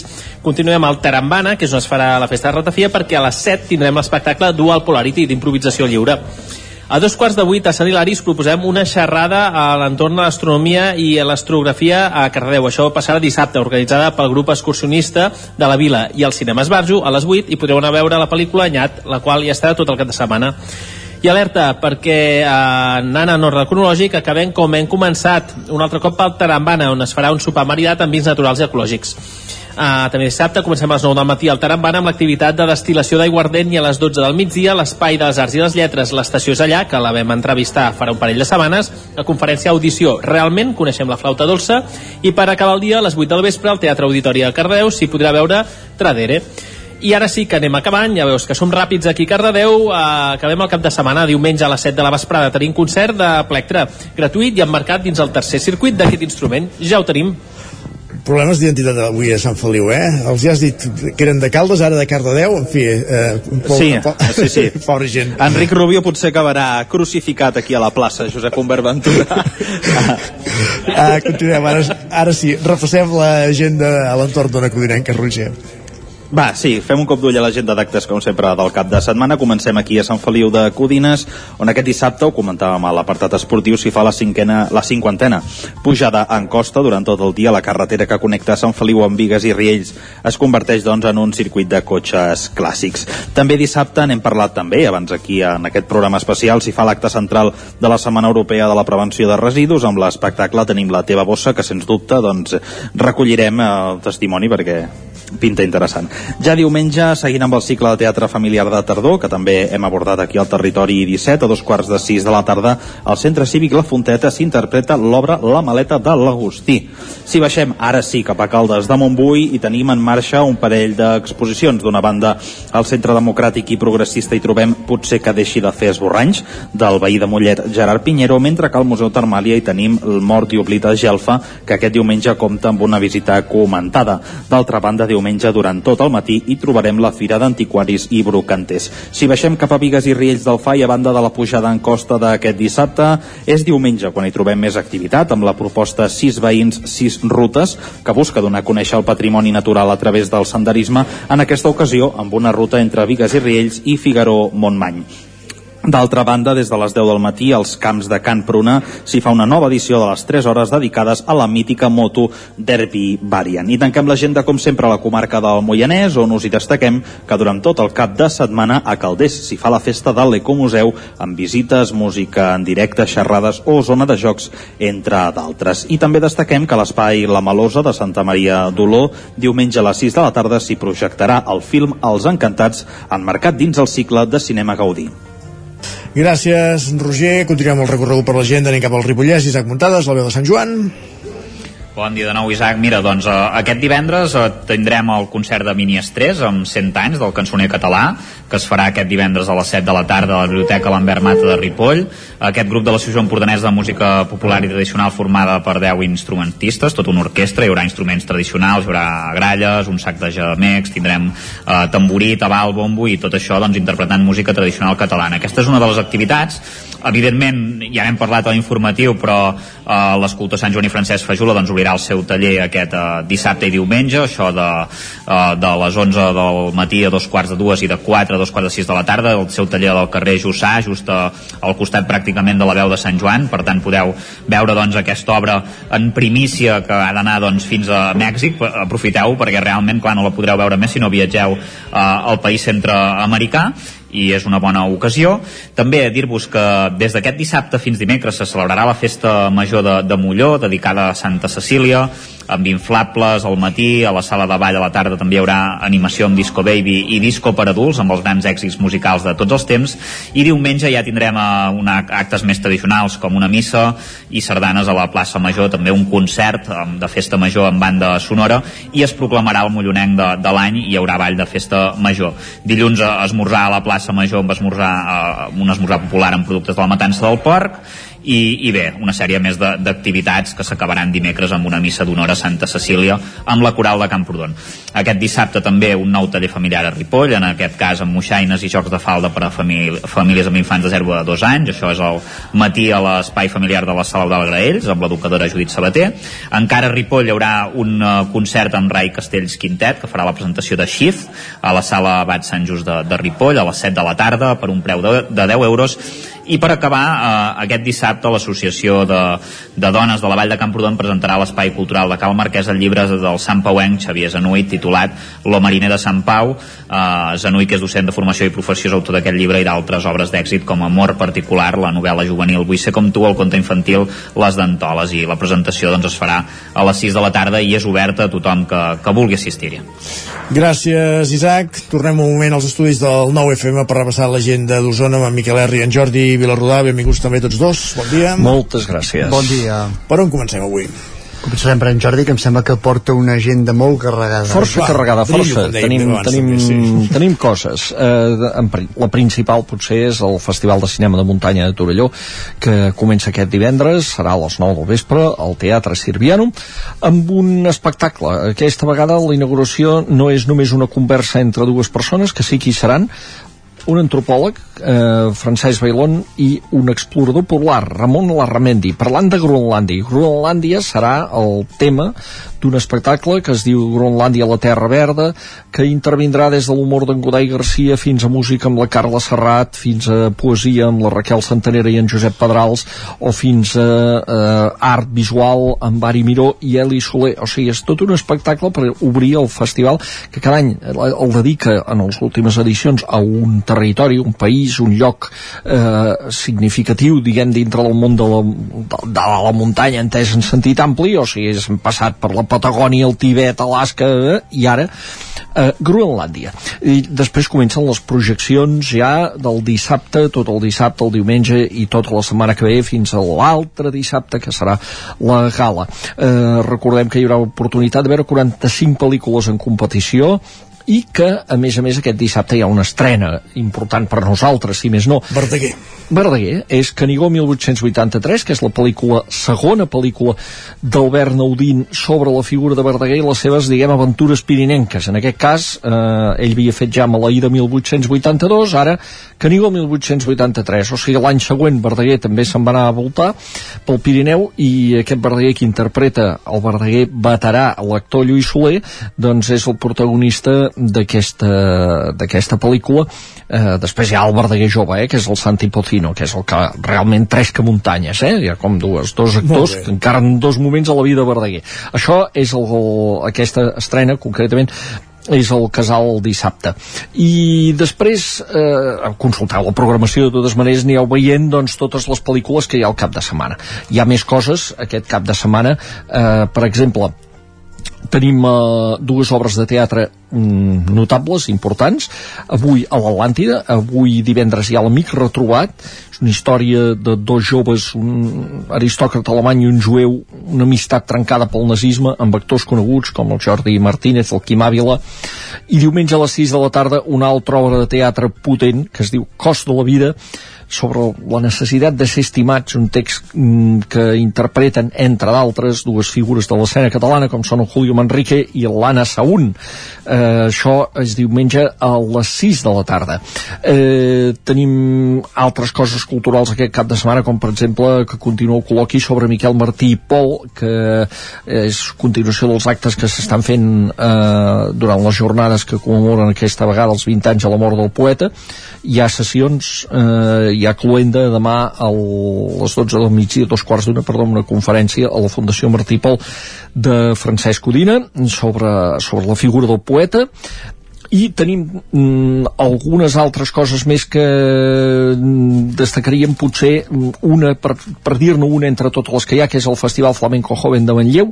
Eh, amb dues veus de dona, dues cantaores. Això serà el dissabte a partir de dos quarts de set de la tarda al Teatre Municipal de Manlleu. La Belén Vega, la Laura Marchal totes dues havien passat pel Festival Candil també de Manlleu, protagonisme per a les veus femenines en aquesta, i joves també, com diu el seu nom, en aquesta dotzena edició del Festival Flamenco Joven de Manlleu Manlleu i passo ja amb Miquel R perquè em dic que això, que hem de ser breus. Gràcies Jordi molt bé, uh, doncs res, són dies de festes majors d'aquestes d'hivern, eh? Uh, encavalcades entre Sant Martí i Sant Andreu tenim, anem tenint aquí un degoteig de festes majors. Us proposaré per cada dia una festa major diferent i una proposta concreta. Per exemple, aquest divendres a Gurb, ja, Gurb ja va començar la setmana, és d'aquestes festes llargues que s'allarga tres caps de setmana, però una de les cites importants és aquest divendres amb el pregó que fan sobre el centenari de les escoles de GURB. Eh? Aquest any es m'ha xambrat una mica aquesta commemoració d'aquest centenari de les escoles amb un acte que estarà presentat per Teresa Saborit i que s'ha traslladat al pavelló precisament a les 9 del vespre per, per, perquè es preveu que serà multitudinari. A Tona, a Tona també arrenca la festa major de Sant Andreu. Parlarem més la setmana que ve perquè ha diguéssim el plat fort que és la Fira sí, Joc Joc, Joc. però com a prèvia aquest dissabte a la tarda teatre familiar a la Canal amb la companyia de Jordi del Rio i tot seguit l'assemblea jove en què hi haurà també sopar de pizzas i nit de monòlegs. Uh mhm. -huh. i per acabar, acabarem i també acaba la festa major de Sant Fores la Guixa. Tot el cap de setmana hi ha propostes però us en destacaria una de diumenge a partir de les 12 del migdia un concurs de tapes i una exhibició també d'elaboració de tapes. Per tant ideal per, per al diumenge per agafar gana i acabar aquesta festa major de, del nucli de Sant Fores la Guixa. Gràcies Miquel, bon cap de setmana també. Bon cap de setmana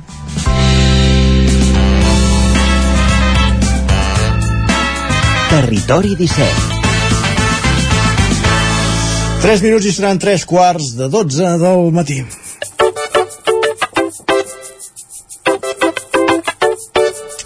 I continuem en directe al Territori 17 en aquesta edició especial del Territori ODS eh, motiu de la Setmana de Prevenció de Residus. Avui som a Sant Feliu de Codines en aquesta sèrie de programes des de l'exterior que, que estem fent en aquest eh, tram final de l'any des de les diferents emissores del Territori 17. Avui toca un Codinenc, avui toca Sant Feliu de Codines i tenim desplaçat l'equip del Territori 17 a la biblioteca Joan Petit i, i Aguilar. Avui el Territori 17 s'està fent en directe des de la biblioteca. La Setmana de la prevenció de residus, però evidentment dura tot una setmana i en Roger Rams no només ha treballat avui, sinó que s'han anat a, a seguir alguns dels actes d'aquesta setmana de la prevenció de residus, aquesta setmana, oi Roger? Exacte, exacte. Tot i que ja m'agradaria només haver treballat els divendres, eh? Ja estaria, ja estaria prou, prou bé. No va ser l'últim fem- no no va ser l'últim programa que vam descobrir algú que treballava només 3 mesos l'any? Està... Sí, en fi, Sí, és igual. sí, sí, sí, sí, sí, exacte, exacte.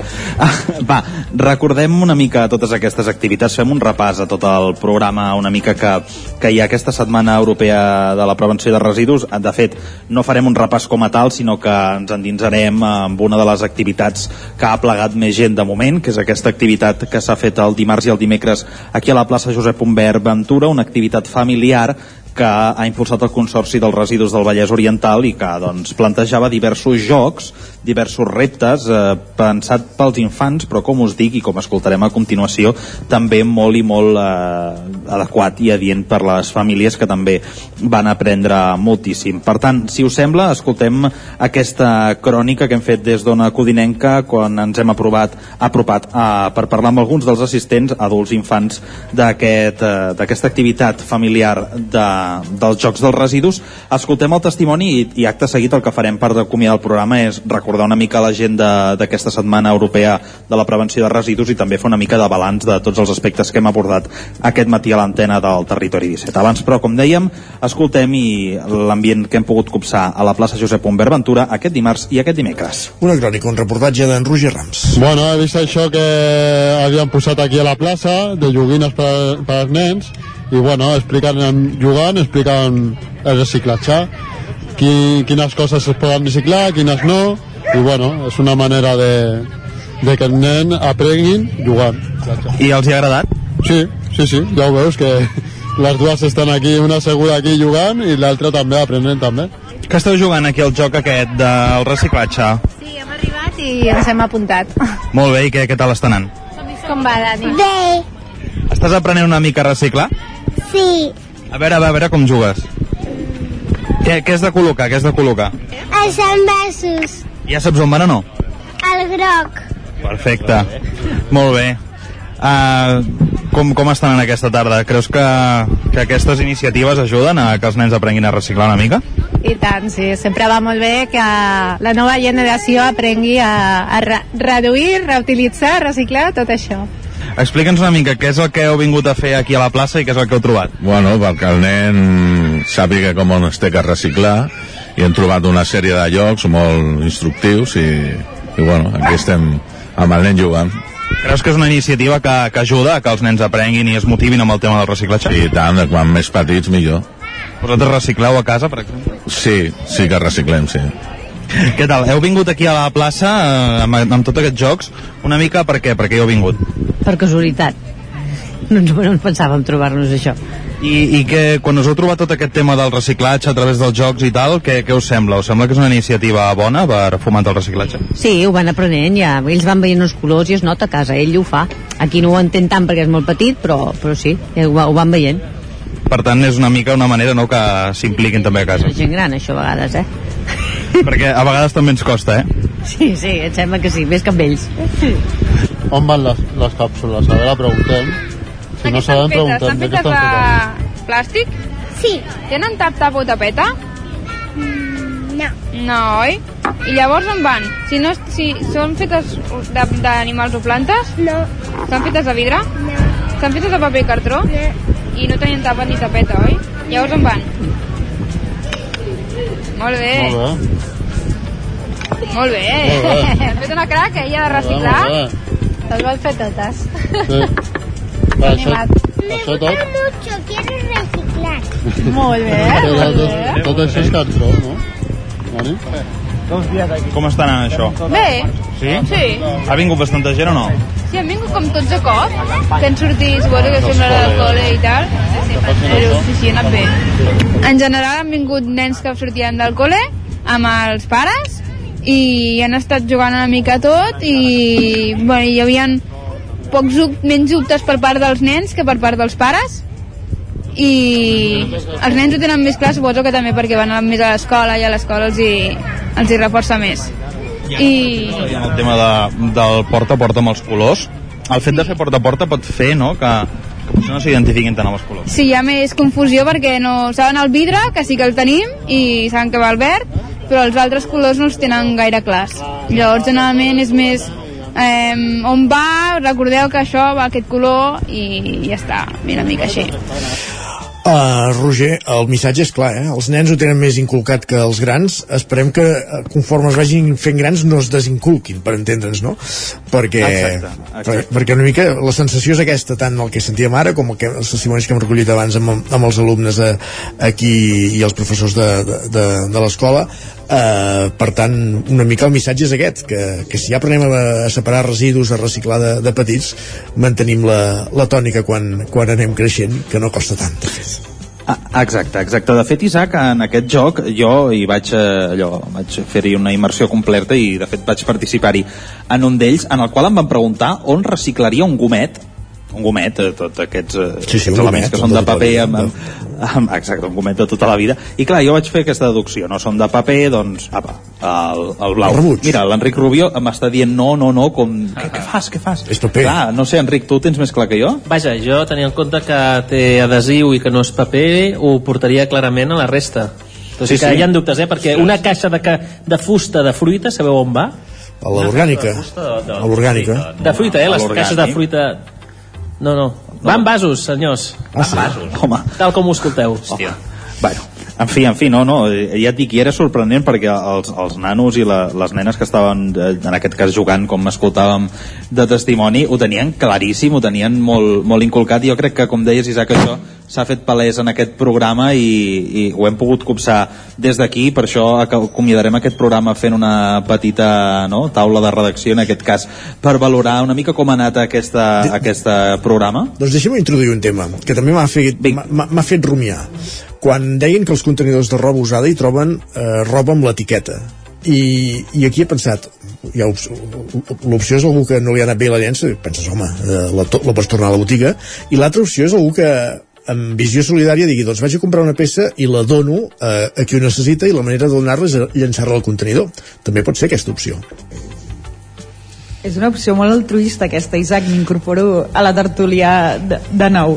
Mm, Jo, a mi no m'havia passat pel cap. Jo n'he fet una lectura ba- bastant més negativa, que he pensat que, com que darrerament s'ha posat molt de moda comprar eh, roba de consum rapidíssim, sí. a, a, sobretot empreses xineses que te l'envien de manera molt ràpida i que fa poc llegia que fins i tot quan la retornes no la tornen a introduir al mercat a vegades ja queda directament per destruir aquesta mateixa roba que si té un cost retornar la roba si t'ha valgut molt poc eh, prefereixis posar-la en el contenidor que no pagar l'import de correus perquè la retornin a l'empresa que, que l'ha fabricada o si que te l'ha ha la visió que algú la pot fer servir després, no?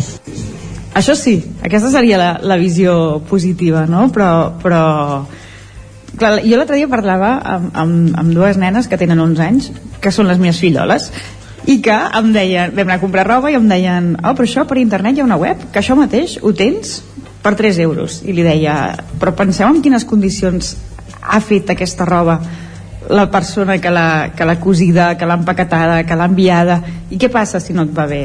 L'has de tornar, ha de venir un avió i ha de marxar un avió per tornar aquesta peça de roba. I va ser xulo perquè vam tenir una conversa com molt reflexiva al voltant de, de quina diferència hi ha entre sortir aquí a la plaça de Sant Feliu i anar a Can Basté o en el desnivell que els tens aquí davant o eh, fer un clic i que t'ho portin de l'altra punta del món aquí m'a- m'agradaria, amb el tema roba, que crec que és un dels temes, bueno, no central, però sí que l'he comentat molt avui, a anar una mica a, on rau l'inici del problema, no? Que al cap i a la fi jo llançaria la pregunta, mm, ja no sabem cosir, cosir o sorgir o arreglar, perquè no. és una cosa que antigament no. uh, sempre es feia, a casa en aquest cas ho fem sempre, i realment els texans, jo abans de, de, de, de fer-ho això, em duraran un any els texans, tampoc en tinc molts, tinc el que necessito, etc. I ara, uh, arreglant-los ja fa uns 10-15 anys que ho faig, doncs us asseguro que els texans en poden durar d'un any a 5, 6, 7 anys per tant, la vida útil crec que és el que hem d'anar a buscar, no? aquesta reutilització, no, la, uh, uh, no el reciclatge, no, no, en cap cas ho dic perquè no pugui aprofitar altres persones, eh, sinó per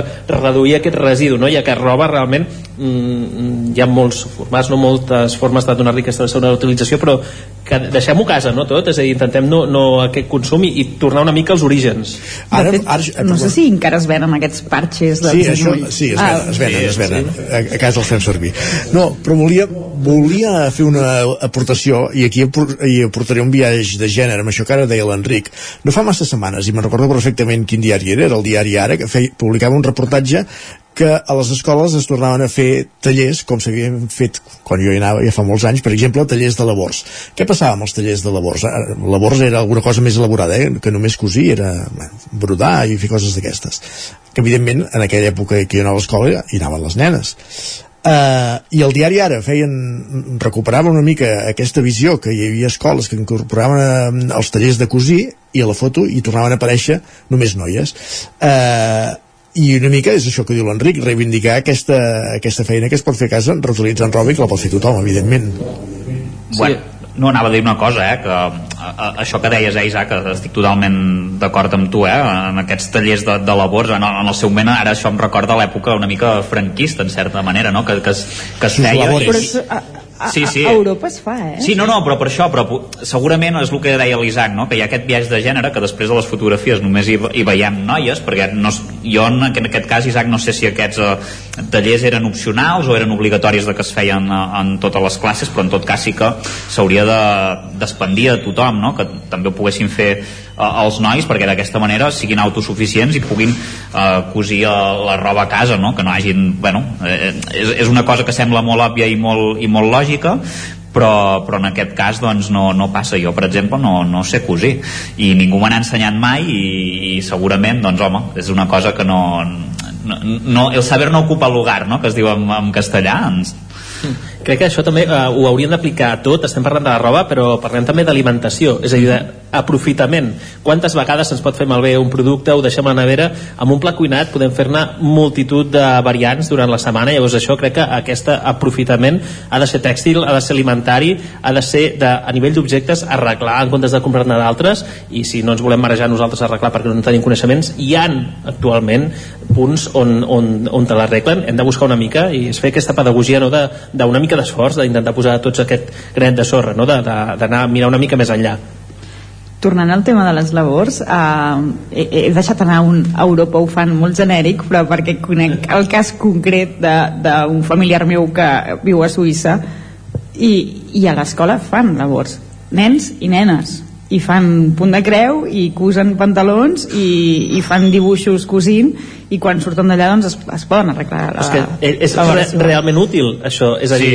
Ensenyem moltes coses però, però tot el que ensenyem és útil tot és aplicable, és a dir, de vegades dona la sensació que hi ha molta matèria no? que ens estan instruint però que després no sabem fer, com Bueno. es diu popularment la O en un canuto, no? per exemple fer una fa... això per quan, quan els nens són més grans eh? per exemple aprendre a fer una factura I llegir-la llegir-la, ent- en- entendre el rebut de l'aigua això del rebut d'aigua El de- i el de la llum. el- la gent gran eh? I el de la però llum. vull dir, són coses i el de la llum, són coses, són coses útils que no, no s'ensenyen a l'escola i potser hauria d'haver una, una assignatura que fos doncs, eh, tasques domèstiques, jo què sé Sí, sí. que farà estalviar lo dels rebuts, però no només estalviar, sinó ser crítics amb les polítiques que es duen a terme i s'aproven, perquè Sí, si sí. no sabem llegir-ho tampoc sabem què ens estan aplicant. tampoc sabem llegir una nòmina vull dir, que, Exacte. que ara podríem, Absolutament. podríem Sí, sí. aquí obrir un blog Sí, sí. que- No podem reclamar els nostres drets perquè no sabem ni quins tenim.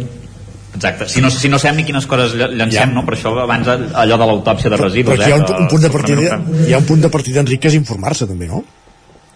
Aquí està, és el que comentava, eh? Sí, d'anar més enllà, llegir. d'intentar aquesta cultura de l'esforç de, de, de, de, que comença per nosaltres mateixos, no? que no podem esperar que ens ho donin tot mastegat, sinó des d'un mateix doncs, intentar anar més enllà en tots aquests temes, mica en mica, no és una cosa que es pugui fer de cop, però fer-nos aquesta autopedagogia, diria jo, no? Doncs bé, no, no, hem abordat aquí eh, tots aquests eh, temes que al final hem vist que, que era necessari també donar-hi una volta per treure a la llum temes com ara, doncs ho comentàvem, el viatge de gènere que hi ha en tot plegat o el tema del reaprofitament. Acomiadarem aquí ja, si et sembla, Isaac, la connexió amb la Biblioteca Joan Petit i Aguilar de Sant Feliu de Codines que Va, després veig que us queda un la... tall de coca cada un, eh, encara. Tinc encara... Sí, ara ja, farem, farem el vermut. Farem el vermut. Després de la pluja matinera doncs ens hem eh, refugiat a, aquí dins. No sé, Gemma, si vols acomiadar una mica aquest programa. Uh, sí, primer de tot donar les gràcies a, a les ràdios convidades, a, a l'Enric de Ràdio Televisió Cardedeu, l'Isaac de la veu de Sant Joan per haver vingut fins a Sant Feliu. És una cosa que fem poc aquesta de trobar-nos, però quan la fem dona molt bons resultats i per tant aquí llenço la, la, l'AM per fer-ne més ens queda pendent el de Vic. Gràcies Sí. Isaac per haver controlat tot aquest programa també des de Vic. I gràcies sobretot a Pau Ibars, Pius i Busques que tenim aquí portant tot el control tècnic del que ha estat eh, aquesta sessió de ràdio i vídeo des de la sala d'actes Joan Petit i Aguilar últim lloc eh, canviat de- així a última hora per, per aquesta pluja esperada que al final tampoc s'ha consolidat però, però vaja, per això recursos d'última hora podeu recuperar tot aquest programa si us l'heu perdut ja ho sabeu al YouTube Territori 17 i també a la web Dona Codinenca i de les quatre emissores que fem aquest programa Gràcies, Gemma, gràcies, Enric, gràcies, Isaac, gràcies, Roger. Fins dilluns. Fins dilluns. Fins dilluns. a tots. I nosaltres també acabem. Bon cap de setmana a tothom, tornem dilluns. Fins aleshores, gràcies per ser-hi, adeu-siau.